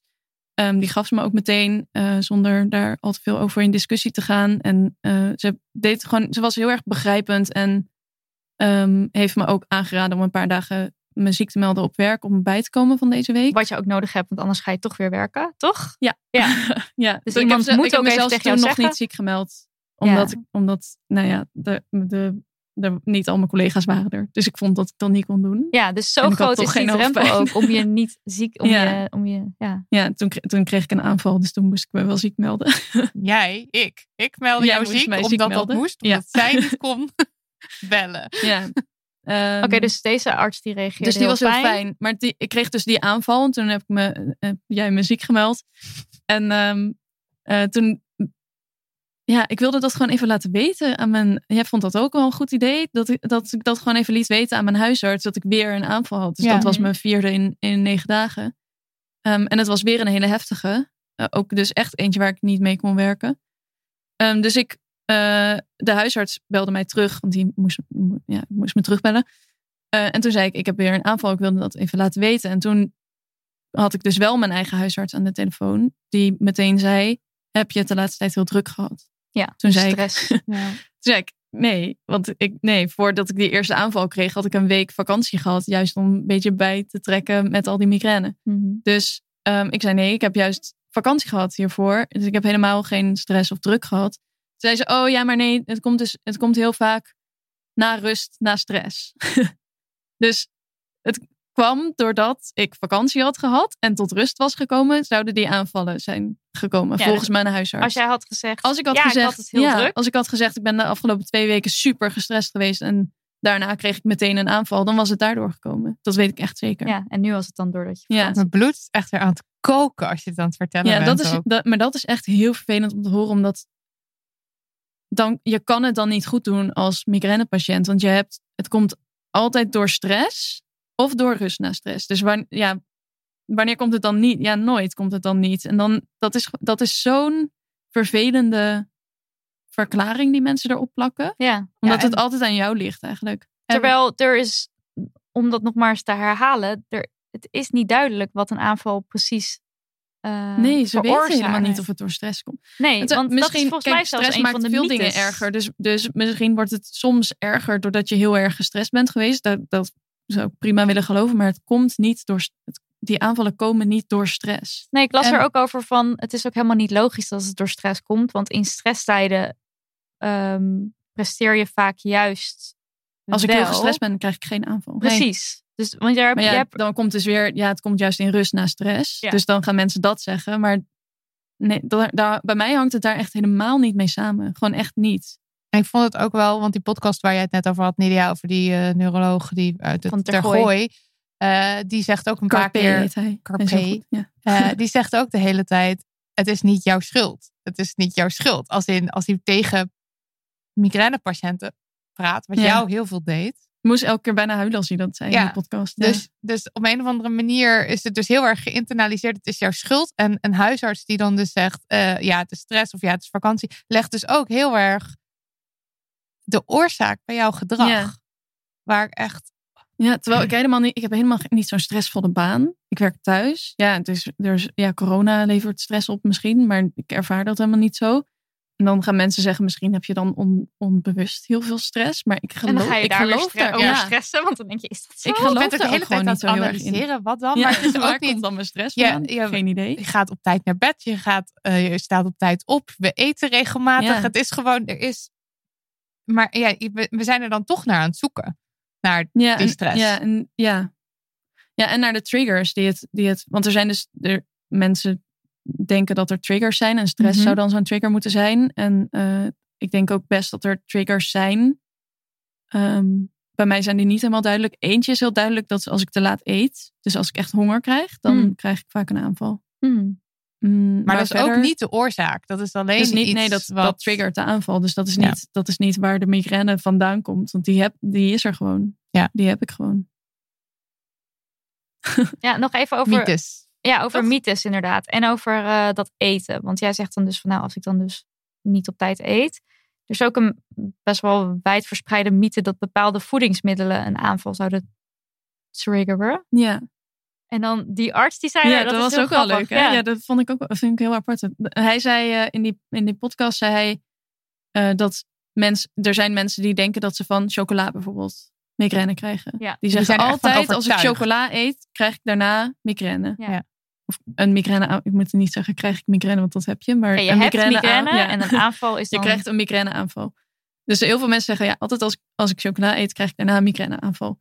Ehm, en hij zegt, als je die mensen stiekem chocola geeft, dus via een infuus of via, via een eh, zondevoeding, dan krijgen ze geen aanval als ze dat binnenkrijgen. Dus het, dat wetenschappelijk gezien is daar gewoon geen bewijs voor dat je van bepaalde voedingsmiddelen aanvallen krijgt. Maar wat die, wat die Ferrari volgens mij weer zegt, is dat je juist doordat de aanval zich aankondigt, zin krijgt in bepaalde dingen. Dus het kan ook zo zijn dat ehm, mensen die eh, een migraineaanval aan het krijgen zijn, opeens heel veel zin krijgen in chocola, chocola. en dus meer chocola gaan eten dan ze normaal zouden doen. En dan een aanval krijgen. Dus dan heb je oorzaak en gevolg is heel Ja, moeilijk te onderscheiden. Ja, dus Want dan eet je chocola doordat je... Ehm, ik geloof het niet. Mij ik heb je wel zin in vet eten vaak. Als, ik, als je dat wil, dan zit er meestal ook wel iets aan te komen. Maar is ook een beetje daarna vooral. ja, misschien. Dat ik dan... Ja, dat, eten het, kost gewoon heel veel energie. En dan heb ik wel zin in een pizza daarna. Ja. Maar ik heb volgens mij niet heel erg dat ik daarvoor heel erg... nee, dat ik jou hoor heb. zeggen van, eh, oh, ik moet een augurk. En dat ik dan weet, er komt een migraineaanval aan. Dat is meestal Nee. niet zo. Nee. Nou, we hebben het net al een beetje over die. We hebben het al best wel veel over die podcast gehad. En dus ook dat die arts dus zegt: Ik zeg tegen mijn patiënten: Het is niet jouw schuld. En dat dat heel veel losmaakt bij mensen. Jij zei ook van: Ik moest bijna huilen toen ik dat hoorde. Mhm. Ehm, zijn er nog meer van dit soort dingen die je gehoord hebt of gelezen, geluisterd, die jou ja, soort psychisch is, die niet je migraine verminderen, maar die misschien dat schuldgevoel verminderen of die de, de last minder zwaar maken? Mm, nou, het hielp sowieso wel om er wat meer over te gaan lezen.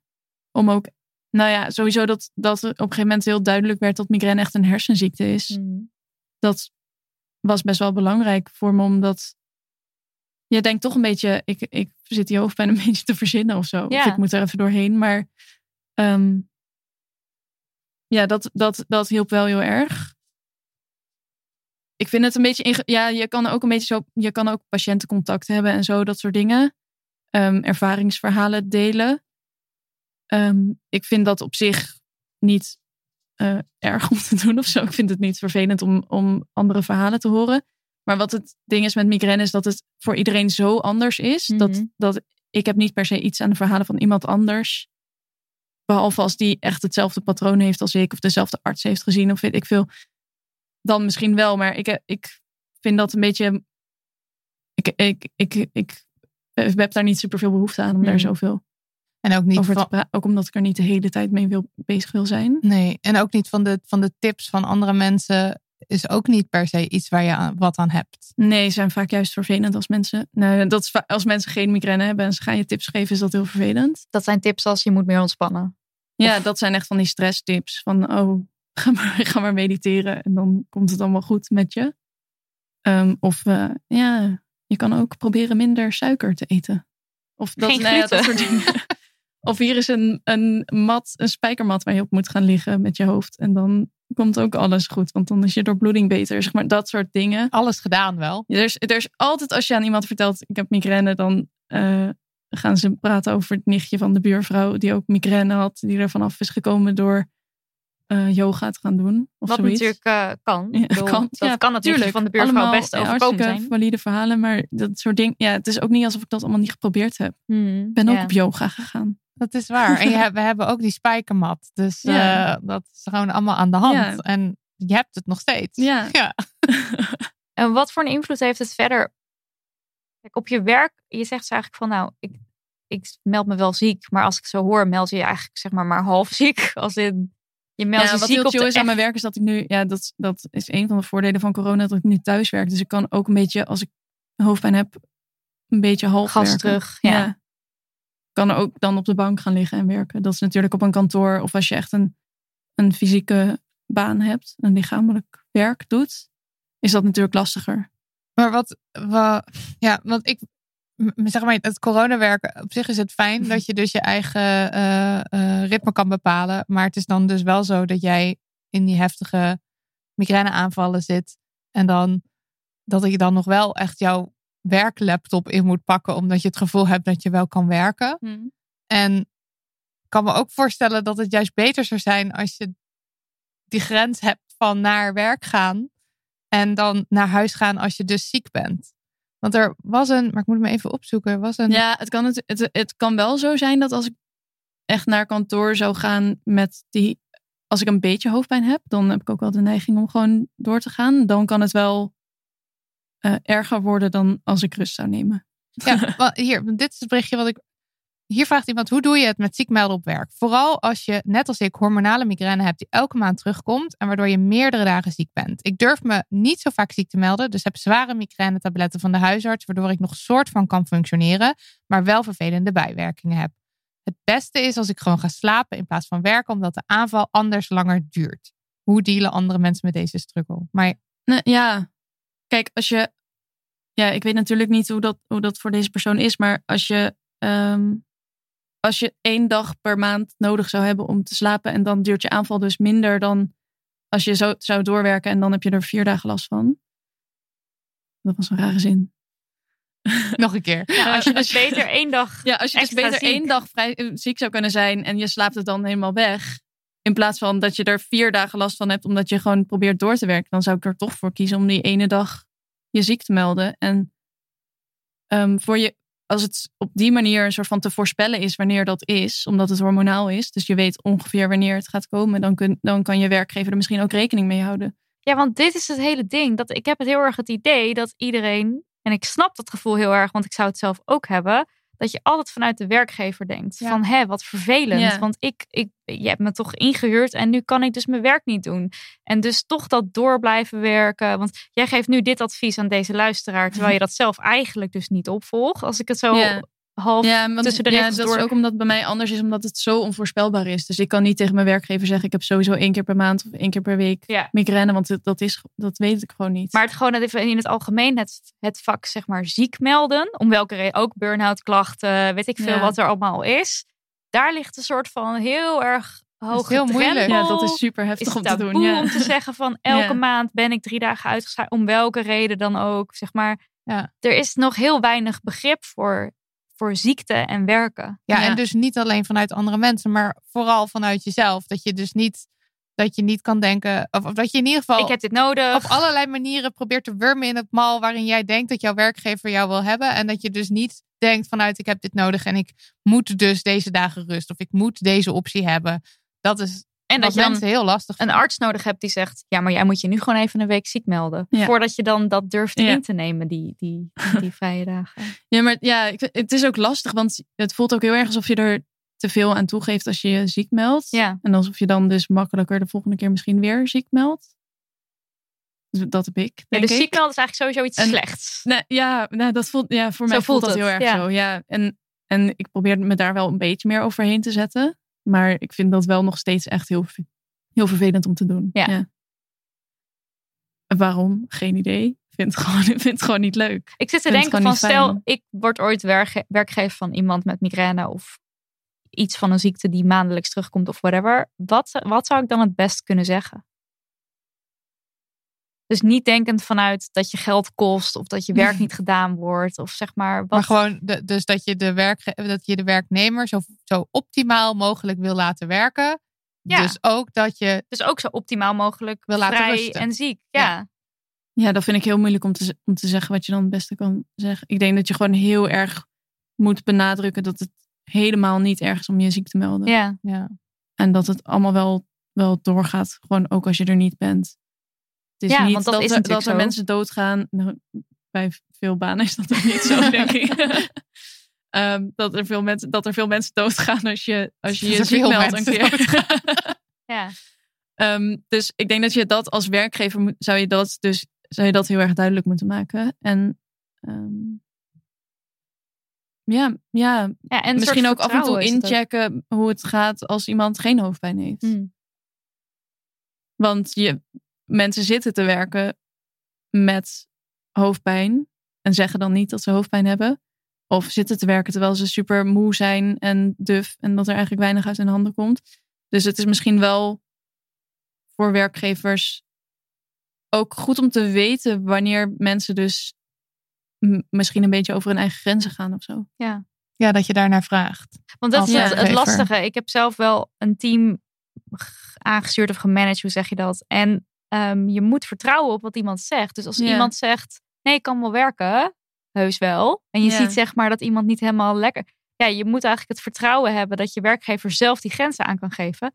Maar eigenlijk hoor ik de hele tijd, dat lukt helemaal niet. Want als werk, werknemer ben je dus onwijs bezig met, ik wil mijn werkgever niet in de weg zitten. Ja, dus als werkgever is het belangrijk Moet je dus dat je die nog- ruimte constant opent weer van ja, ja, constant heb- blijven wat heb je nodig, wat heb je nodig, moet je Ja. ja. Ja, en we hadden trouwens ook een berichtje van iemand die zei van ja, het wordt zoveel als smoes gebruikt. En eh, dat is niet oké. nou, dat want is denk ik ook wel waardoor er een beetje een stigma op ligt. Of Maar- dat, waardoor je Als, maar is dat als, zo? als 33% van de mensen met een baarmoeder en 15% van de mensen, dan, ja, dat is ook waar. Dan, dan Nou, hebben klinkt- toch ja. heel veel mensen migraine. Ja, maar heel veel mensen. Ja, maar ik denk dat ook heel veel mensen het idee hebben dat hoofdpijn vaak een smoesje is. Ja. Ik denk dat ook wel echt mensen hoofdpijn als smoes gebruiken soms. Ehm, ik denk dat ze dan hoofdpijn als smoes gebruiken en niet per se migraine eigenlijk. Nee, ik, ik heb nog nooit gezegd ik heb Maar- migraine. Ik ben ook heel erg bang geweest in het begin als ik dingen af ging zeggen omdat ik hoofdpijn had of migraine had. ehm, dat mensen dachten dat het een smoesje was. Ja. Ja, en hier komen we weer bij dat aanstelverhaal van mij ook aan het begin. Dat je Ja. toch een soort van het gevoel hebt dat jouw problemen of, of wat je voelt of de pijn die je hebt, dat dat niet erg genoeg is. Ja. Ja. En dat je dus de neiging hebt om dat heel erg te gaan Ja. eh bagatelliseren en het niet serieus te nemen. Terwijl Ja. het ontzettend serieus is. ja, het is wel serieus. Ja. Dat is het. En dan hebben we het net over werk en, eh, en, de, en wat het eh, qua werk doet. En, en bijvoorbeeld relaties. Dus bijvoorbeeld een vriendschappelijke relatie. Of nou, Nou, zo meteen kunnen we het over jullie ja. relatie hebben. Maar En ja, Snappen mensen wel het? ook. ik heb daar, eh, een- ik heb vijf jaar migraine, heb ik nu vastgesteld. Ehm, maar ik denk dat ik pas in het laatste jaar, of misschien de laatste twee jaar, Ik denk dit jaar pas. misschien het laatste jaar pas echt wat meer met mijn vrienden erover ben gaan praten. Ik moest wel af en toe dingen afzeggen omdat ik migraine aanvallen had. Ehm, maar dat was ook niet zo vaak. Dus het was gewoon af en toe dat ik iets moest laten gaan omdat ik dan hoofdpijn had. Maar ehm, ik heb heel erg lang, ik denk dat ik de eerste drie, vier van die vijf jaar ben ik gewoon met, met, met een migraineaanval uitgegaan. Soms ook wel. Dacht ik, ik heb nu hoofdpijn, maar ik drink er wel even doorheen. En dan komt het wel weer goed. Dan had ik natuurlijk de volgende dag veel meer hoofdpijn. Maar dan, dan wist ik mezelf wel bij de kladden te grijpen en gewoon mee te gaan. En dan stond ik daar met hoofdpijn. Maar dan probeerde ik dat heel erg te negeren om niet die zeikert met hoofdpijn te Ja, zijn. dus dat is niet, niet omdat je. Is het dan niet vanuit, vanuit je vrienden van die wil ik niet teleur? Ik wil gewoon mee, gewoon gezellig en leuk. Nou, of dat is het ook. ook vanuit jezelf van ik wil deze avond gewoon meemaken. Ja, ja, dat, ja, Allebei. Dat, ja, allebei een beetje. Want je hebt ook niet de, niet de hele tijd zin om dingen af te zeggen omdat je hoofdpijn hebt. Dan denk je ook, Ja. ja. je vindt jezelf ook een beetje stom. En soms heb je gewoon zin om dingen te doen ondanks dat je hoofdpijn hebt. Dus dat heb ik, nou ja, de eerste paar jaar kon dat nog gewoon. En dan was Ja. het ook niet zo vaak. Want het is ook zo, volgens mij hebben we dat nog niet gezegd, dat migraine zich vaak openbaart. Of in ieder geval eh, erger wordt of in de piekfase zit tussen de 20 en de 50 jaar. Ja, Dus jij zit er nu middenin dat je ook gaat merken hoe ernstig het is. En aan het begin had Ja. je nog niet zo frequent aanvallen dat, het, dat je de hele tijd dingen af moest zeggen. nee, dat had ik niet. En ook waren mijn aanvallen ook niet zo erg dat ik dus echt moest afzeggen. Ja, dan kon je er dus, Dus dingen mee ja, doen. dan had ik misschien, een, toen gaf ik het nog geen cijfers, maar dan had ik misschien een vier of een vijf. En dan kon ik nog wel gewoon, eh, gewoon le- lekker gezellig doen. Lekker gezellig. lekker gezellig doen. Maar dat gaat, ja, nu gaat dat gewoon echt niet meer. Nee, En nu ben ik ook steeds meer, als ik die voortekenen herken, dus als ik moe ben en, en somber, dat ik dan, ik vind dan nog steeds een beetje moeilijk, maar dan ga ik ook wel eerder dingen afzeggen. En ehm, ja, hoe werkt dat in vriendschappen? Ik vind dat wel heel moeilijk, omdat ik ook er angstig van word. Ehm, en bang ben dat mensen me op een gegeven moment gewoon, nou ja, bijna dat ze me vergeten of zo, omdat ik er Dat zo ze vaak niet meer vragen. Ja. Of ja. Ja, dat vind ik wel, dat is, dat is heel, vind ik zelf heel moeilijk. Terwijl al mijn vrienden zijn echt super lief en snappen het helemaal. En hebben echt nog nooit iets rots daarover gezegd. Of zijn nog nooit teleurgesteld in me geweest dat ik ergens niet was of zo. Dus dat is helemaal niet, ik heb helemaal geen aanleiding om dat te denken. Behalve dat ik dat zelf ervan maak in mijn Ja. hoofd. Dus in vriendschappen zou het dan weer fijn zijn als iemand dat blijft benadrukken. Van, Ja, en dat, nou, dat doen mijn vrienden wel heel erg. Ja. Dus dat is, ik, ben, ik ben echt heel blij met, met al mijn vrienden. ehm, die, dat zo, die, dat, die, nou, die dat gewoon echt super goed oppakken en, en super lief zijn voor me. Ehm, en toch ben ik bang dat, dat, het zo is. ze er straks of nu of ooit iets van vinden. En denken, nou, we hoeven het er niet eens meer te vragen, want ze kan toch niet mee. Hm, ja. En je, en je, hebt, je hebt laatst dan er wel echt even over gepraat als in mensen. Het is wel erg. Het is wel erg. Ja, Hoe- hoe was nou, dat? nu na- ja, dat is dus pas, ja, dat eh, Ja. pas vorige week gedaan. Ja. Met echt een lang appje van. Als in vorige week heb je voor het eerst zeg maar echt de serie echt aangegeven echt- hoe erg het is. Echt even de, de wanhoop van dit al. Nou, ik denk wel, ik denk wel dat, dat de meeste vrienden doorhebben hoe, hoe erg het is. Mm. Of, en dat hadden ze ook al. Ehm, maar Af en toe hoor je Toby Thomas Ja. op de achtergrond. Onze hond. ehm, ik, meestal heb ik wel, als ik, als ik dingen afzeg, heb ik, ik heb hoofdpijn, haha. Zeg maar, Ja, we gingen We gisteren gingen zoeken even voor de grap in de WhatsApp ja. kijken naar hoofdpijn, haha. In zeg maar hoe vaak zij dat app naar mensen, dat ze hoofdpijn heeft, haha. En dat is vaak. zo Dat van, oh, het is weer zover met cadeautjes. Ja. Ze heeft weer eens hoofd. Zeg maar, Ja. zo ga ik dan zelf al doen in Mhm. mijn appjes. Ze heeft weer eens hoofdpijn, zodat, ze, zodat andere mensen dat niet hoeven te doen. Ik weet niet, niet eens waarom ik dat doe. Ik denk, ik denk dat je het gevoel hebt dat je. Ik wil Dit niet, is- ik dit- wil niet de, de sneuwe... Geen zeikert zijn. geen, hoofdpijn niet zijn. verdrietig. Ja, Ja. Altijd alles moet maar gewoon leuk zijn of Ja. zo. Dat, En, eh, Maar nu ging het wel zo. Nou, nu ging het dus wel zo slecht dat ik naar die huisarts was gegaan en me dus ook ziek moest melden. En ehm, toen heb ik dat wel, de, heb ik wel dat wel in een heel uitgebreid appje aan, eh, nou ja, Een soort status aan mijn beste vrienden zeg maar gestuurd. Ja. Dat was wel even nodig. wel was even nodig. En hoe is het voor jou, Marilot? Is natuurlijk op geen enkele manier nu de bedoeling dat jij gaat zeggen dat het erger voor jou is dan voor. Maar het is Het is natuurlijk ook. erger voor mij. Maar Eh, ja, nou, ik, ehm, zeker de laatste tijd, ben ik wel veel aan het zorgen. Ja. En eh, wat niet erg is. wat niet erg maar is, voor jou. maar wel af en toe zwaar. En, eh, en, en, en het is ook wel dat ik veel met, als jij weg bent en dan kom je thuis en ik vraag, hey schatje, hoe gaat het? Dat ik dan altijd even met zo'n, even met mijn adem ingehouden zit van, wat komt er nu voor Hoe klinkt haar antwoord? stem Ja, hoe klinkt haar stem en hoe is de energie en wat zegt ze? En, en, en als je dan inderdaad zegt, ik heb hoofdpijn of moi, dan zeg maar schiet ik meteen zo in de zorgstand. En dan denk ik, oké, nou, ik moet koken of eh, ik moet er even op de bank leggen, dekentje eroverheen. Dus dat is wel nu een beetje de... eh, ja, het is, een, het is een stand die nu wel aanstaat. eh, dat ik toch een beetje een mantelzorger ben. Dat Ook ik, bijna de hele tijd eigenlijk. ja, ja, maar dat was vooral nu. eh, omdat het zo erg was. Ja, maar En je houdt er niet- wel altijd rekening mee. ik hou er altijd rekening mee. En dat vind ik wel.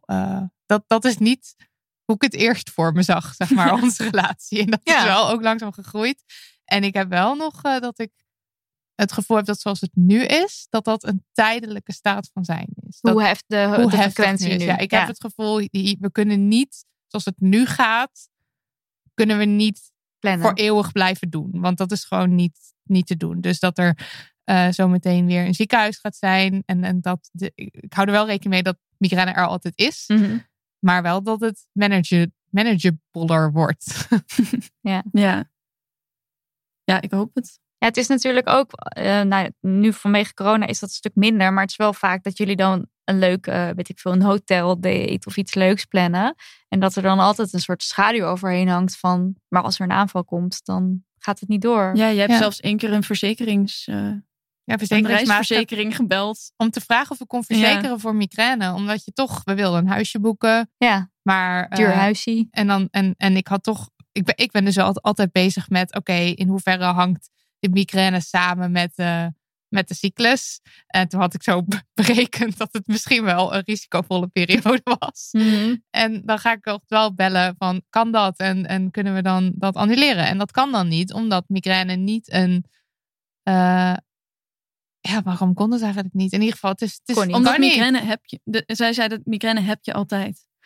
Wat Ja, op dus zich goed, dat is niet- op zich goed van hen dat ze dat zeiden. Ja, want dat het is er altijd. Je weet dat je het Nee, hebt. dat ja, klopt. is- Prima, maar voor een reisverzekering is dat niet zo chill. Want, want een aanval heb je natuurlijk niet altijd. Nee. Nee. En, De- maar, maar je kan dus geen reisverzekering afsluiten. Nee, dus, dan, eh, dus we zijn altijd risico's aan het nemen. En er is altijd wel. Ik ben altijd opgelucht, wel, als dan ons uitje voorbij is.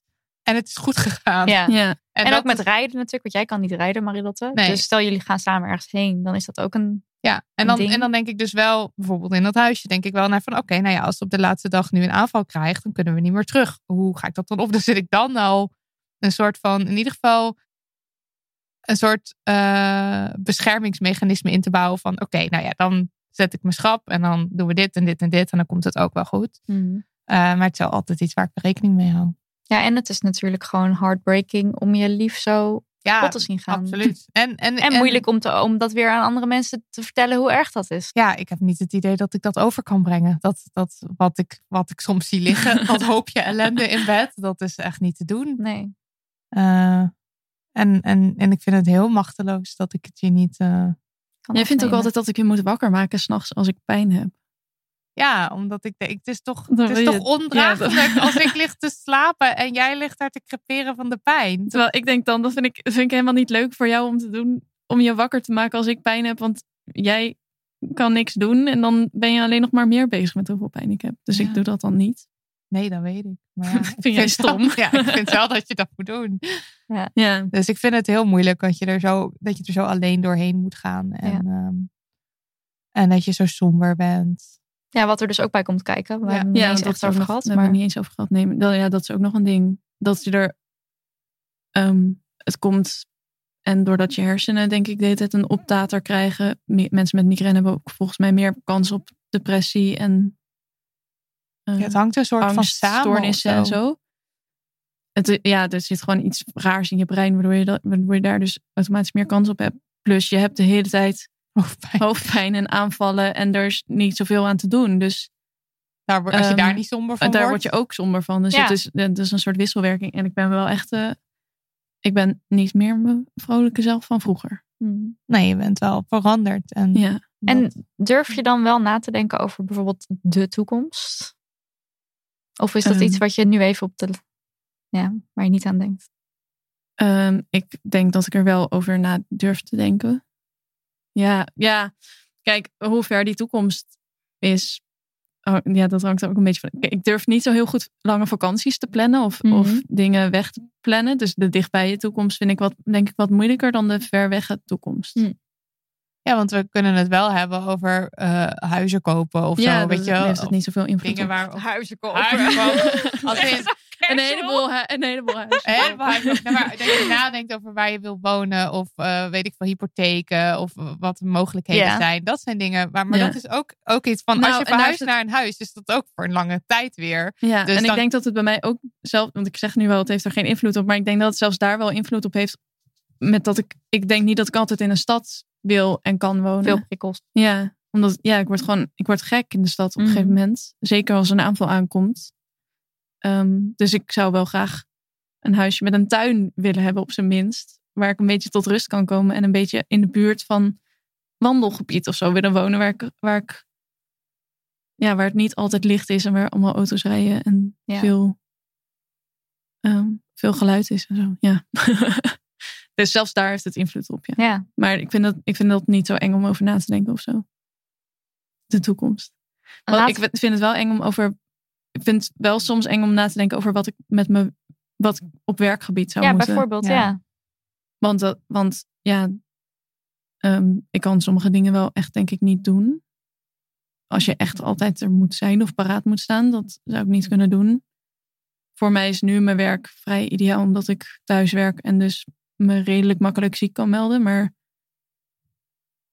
er zijn niet heel veel. Ik denk niet dat er, dat er eh, niet alle opties zijn open voor mij Hmm. qua werk. Hmm. Vind, vind je dat? Wat vind je? Wat vind je daarvan? Nou, vind ik soms wel jammer. Ja. en soms kijk ik wel eens films en denk ik, ja, Ja, en je kan je dus afvragen, zijn die opties echt niet open of maken we ze niet open?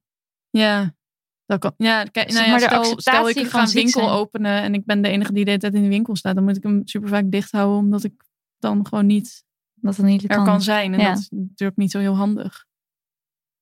Nee, oké. Maar Maar je ja, kan ook een denken, ja, openen. dat zijn dan praktische wel problemen waar we waarschijnlijk wel weer een oplossing van vinden Ja. als je echt per se een winkel zou willen. Ja. Wil je een winkelschatje? We doen het hoor. We openen hem. koop die winkel voor We jou. zetten dat hele demo niet, dat schuiven we aan de kant, gaan we toch gewoon een winkeltje spelen. Laten we met één laatste vraag eh, gaan afsluiten, want eh, we zijn al lang aan het praten. Wat zou anders moeten, dus in, on- in onze wereld, in de maatschappij, hoe je het maar wil zeggen, als het gaat om migraine?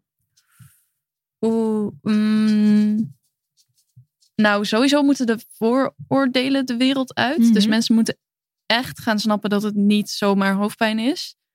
Ehm, dat het geen smoesje is. Dat het niet door stress komt. Dat moet, eh, dat moet echt stoppen met dat mensen dat de hele tijd zeggen. Ehm, dus ik denk eigenlijk dat eh, in ieder geval huisartsen beter opgeleid moeten worden op dit gebied. Gewoon iets beter moeten leren begrijpen.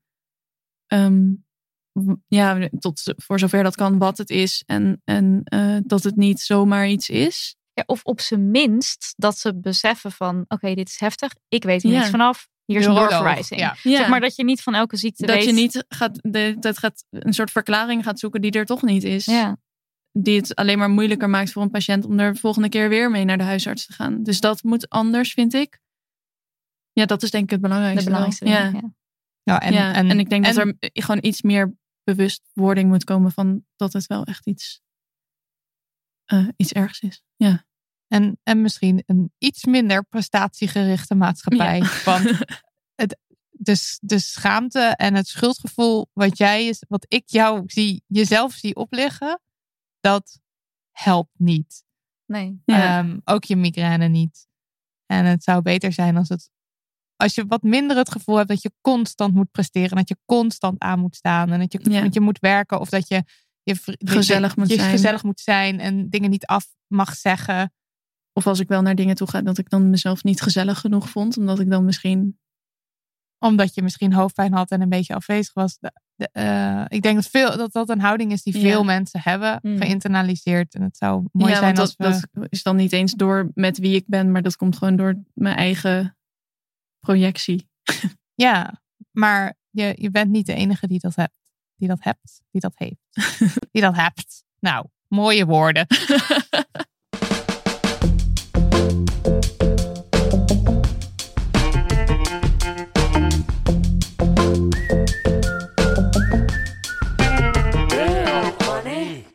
Ja, ja, ja. Komen we bij de laatste rubriek van eh, deze podcast. eh De Damn Honey Yes en No. Nidia. Met een piepende Toby op de achtergrond. is ook aan het huilen. het ook niet leuk. Wat Nee. is de no? Eh, ik had heel veel opgeschreven, maar ik denk dat ik veel al bij, de, bij het poststuk al. ehm, Ja, is niet leuk, hè, Toby? al besproken heb. Dus laat ik, het, laat ik het kort houden. Nou, sowieso dus die verkiezingsuitslag, maar heb ik net al van alles over gezegd. En wat ik verder ook nog wil noemen is ehm, vizier op links. Is net ook al voorbij gekomen in het poststuk qua, qua naam. Een soort super enge Twitter-account waar dus eh, activisten in de gaten worden gehouden. Dus linksactivisten. Ehm, waar adresgegevens online worden gegooid. ehm, waar, nou, het is gewoon een heel eng account. Hoe, hoe, hoe kan je nou goed uitleggen dat het een eng account is? Want als je op Twitter zit, dan weet je dit. Maar als je er niet op zit, dan weet je niet eens dat dit gaande is. Ik denk dat het, het komt erop neer dat er linkse activisten met foto's en adressen worden soort van geout. Geïntimideerd, ja. Ja, geout als oké, dit is een linkse activist en die moet je in de gaten houden. En dat er dan een heel trollenleger is, wat dan die mensen ook daadwerkelijk gaat intimideren. Ja, en de, en de intimidatie so far, dat was vooral online. En ik heb het al eerder verteld, maar ik heb dus zelf ook op Vizier op links gestaan. Dus ik weet of ik sta er nog steeds op. Ja, Zoek maar op, zou ik zeggen. Ehm, wat ze dan dus gaan doen, is bijvoorbeeld je paswoord eh, net zo lang eh, resetten tot je, nou ja, tot je het niet leuk meer vindt. Na één keer al niet leuk, maar goed, want het is heel intimiderend. Maar ik heb ook gehoord van mensen die bijvoorbeeld ingeschreven werden voor allerlei nieuwsbrieven, waarvoor zelfs een plastische chirurgie afspraak werd gemaakt, terwijl dat dus helemaal niet gaande was. Eh, dus allemaal online intimidatie. En ook, ehm, ja, ik denk met het doel van hou je bek. Weet je wel, als je maar genoeg online intimideert, dan wordt Ja, het steeds enger om, om je uit te spreken. Ja. En ehm, nou ja, het is gewoon heel eng als je, als je, als je daarop staat. Want ze hebben ook een grote following. Maar wat ze dus nu hebben, als je Vizier op Links financieel steunt. Want ja, je kan niet alleen Delmoney steunen. Je kan ook Vizier op Links steunen. Dan krijg je een pakket stickers. En op die sticker staat soort van eh, deze locatie wordt in de gaten gehouden door Vizier op Links. Ja, geobserveerde Ja. locatie staat er dan. ja, en die stickers die zijn dus nu op meerdere huizen geplakt van mensen die zich uitspreken. Dus van online intimidatie gaat het nu ook naar offline medita- eh, meditatie, Offline intimidatie. Het is super eng. Toen ik er dus op stond, vond ik het al heel eng. Terwijl ik echt een super light version had van de intimiderende praktijken, zeg maar. Ehm, al stond dus wel deels mijn adres erbij en dat was wel heel eng. Maar laat staan dat ze dus aan je deur komen. Ja. Waar misschien ook je kinderen bijvoorbeeld wonen. Nou, hoef, ik hoef trouwens niet eens kinderen erbij te halen. Maar eh, bijvoorbeeld Nadia Boeras heeft een sticker gekregen. Die heeft twee jonge kinderen. Hoe verschrikkelijk eng moet dat zijn? Ehm, ja, en dat deze club al zo lang dit aan het doen is. En dat dat ook ja, eigenlijk ja, gedoogd wordt. Want je kan dus niet echt aangifte doen bij de politie. Je mag een melding maken. Ik heb ook een melding gemaakt. Maar je moet helemaal uitleggen wat is versier op links eigenlijk. Weet je, ze hebben geen idee. Dat was, Ja. Ik had echt het idee van, nou sorry, dit slaat, het slaat nergens op dat ik dit doe. Terwijl heel veel mensen hiermee te dealen hebben. Ik heb ook meerdere mensen uit het activistenvak, om het dan maar zo even te noemen, gesproken hier. Of van, hey, hoe is het met je? Hoe gaat het? Want het is gewoon heel eng. Ehm, er wordt gewoon geen, er wordt geen stop op gezet. Het, het blijft maar doorgaan. En dus nu met deze actie. En dan is ook weer zoiets. Dan staat er vervolgens op eh, teletext stickeractie. Werd het genoemd. Een stickeractie. Ludiek. Een Ja, ludieke nou. Daar reageerde ja. Vizier op links vervolgens weer op. Van, ja, het is gewoon ludiek joh. Hey, eh, die stickers die kun je gewoon wel eens krijgen. En eh, zo hartstikke is het gewoon een ludieke actie hoor. Eh, Nou ja, en dan kan je daar vervolgens weer slachtofferrol, weet ik veel wat, al die woorden die ik net ook al besproken heb, die kunnen ze dan weer Oh, op nu worden ze gecanceld. Eh, ja, we worden gecanceld inderdaad. Ja, Dat- Komt Nidia nou, weer met de vleesgeworden Vlees cancel. cancel culture. Maar in het enge van eh Vizier op links is ook is dat ze anoniem zijn. Eh, Ja. het is wel zo dat, dat men schijnt te weten wie erachter zit. Maar ook daar wordt niks mee gedaan. Dus het blijft een soort van... Er is zo'n dreiging waar, waar je dan dus niet echt de vinger op kan leggen wie dat dan zijn. Het is niet een hele... Is, ze zijn vrij ongrijpbaar. Dat maakt Ja. het ook zo eng. En maar ook hier lijkt het trouwens te komen vanuit de Forum voor Democratie hoek. Ja, Eh, Als je kijkt naar geld, eh, geld of wie wat heeft gedaan, geloof ik. Maar goed, dit is gewoon fucking eng. En dat Ja. moet echt stoppen. Ja. En ehm, voor iedereen die eh, geïntimideerd wordt op deze manier. ehm, we staan naast je, we staan voor je, we staan achter je. we zijn met je. Dat wou ik wel zeggen. Een demonies. Ja. Ehm, ik wil als laatst graag even stilstaan bij het feit dat de actie van eh, Stem op een Vrouw duidelijk heeft gewerkt. Mag ik dan Eh. zeggen, DWK Partiman, oprichter Stemvrouw, heeft ook een sticker gehad. Dat mag je zeggen. Ja. En dat is verschrikkelijk. Ja.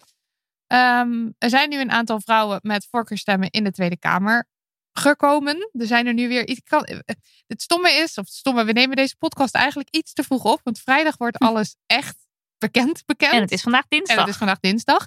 En dus zeg maar, als je dit luistert, kan het gisteren zijn geweest. Dus dan is alles bekend. Maar ik ga nu toch gewoon een beetje speculeren. Want leuk.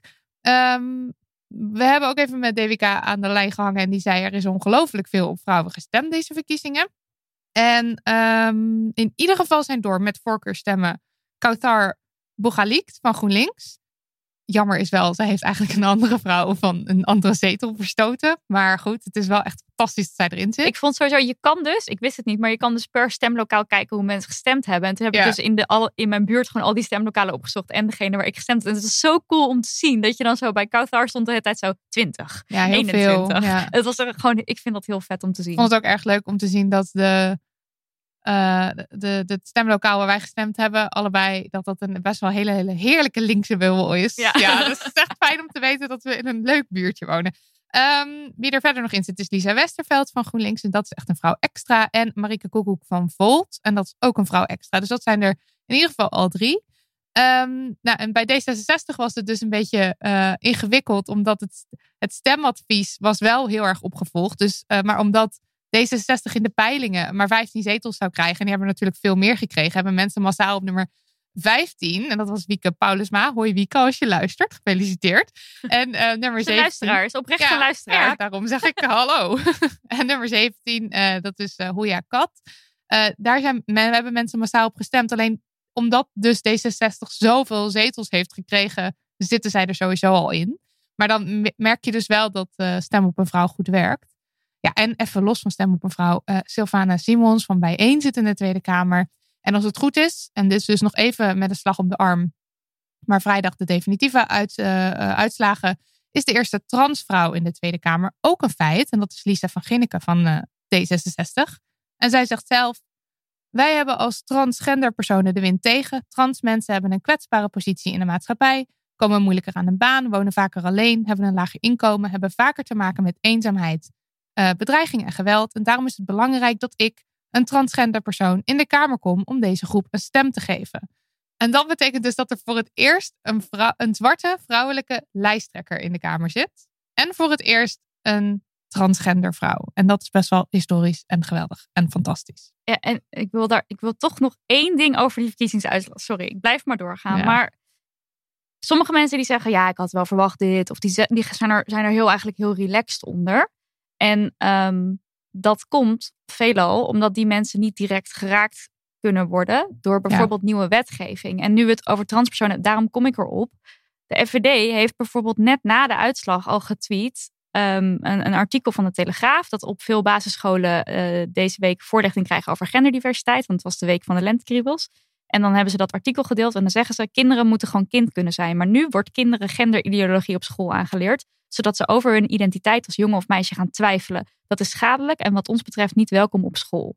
Hashtag FVD stelt Kamervragen. En dit laat precies zien hoe ontzettend eng het voor sommige mensen is. Ja. En dus voor ons allemaal zou moeten zijn. Want solidariteit en staan ook voor deze mensen, ook al raakt het jou niet direct. Dat jouw rechten afgenomen kunnen worden. Terwijl er, zijn al, er is al van alles mis qua gelijkwaardigheid.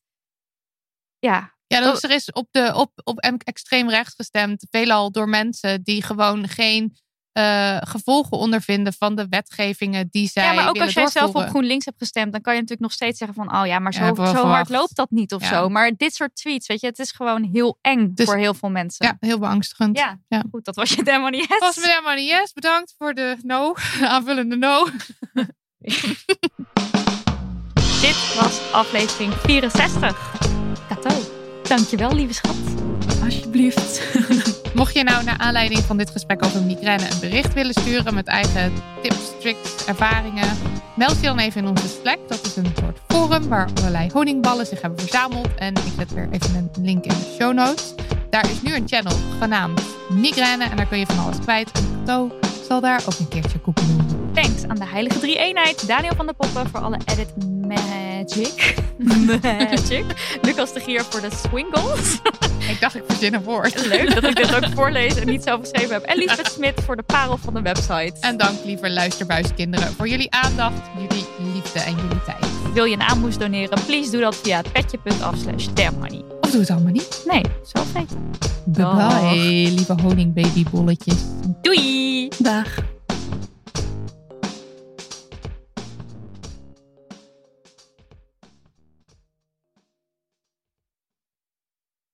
Kussens, bedden, matrassen, beddengoed. Emma Sleep heeft het allemaal. Ga naar emma-sleep.nl om van jouw slaapkamer een slaapparadijs te maken. Er is nu moederdag sale gaande met kortingen die oplopen tot wel 50%.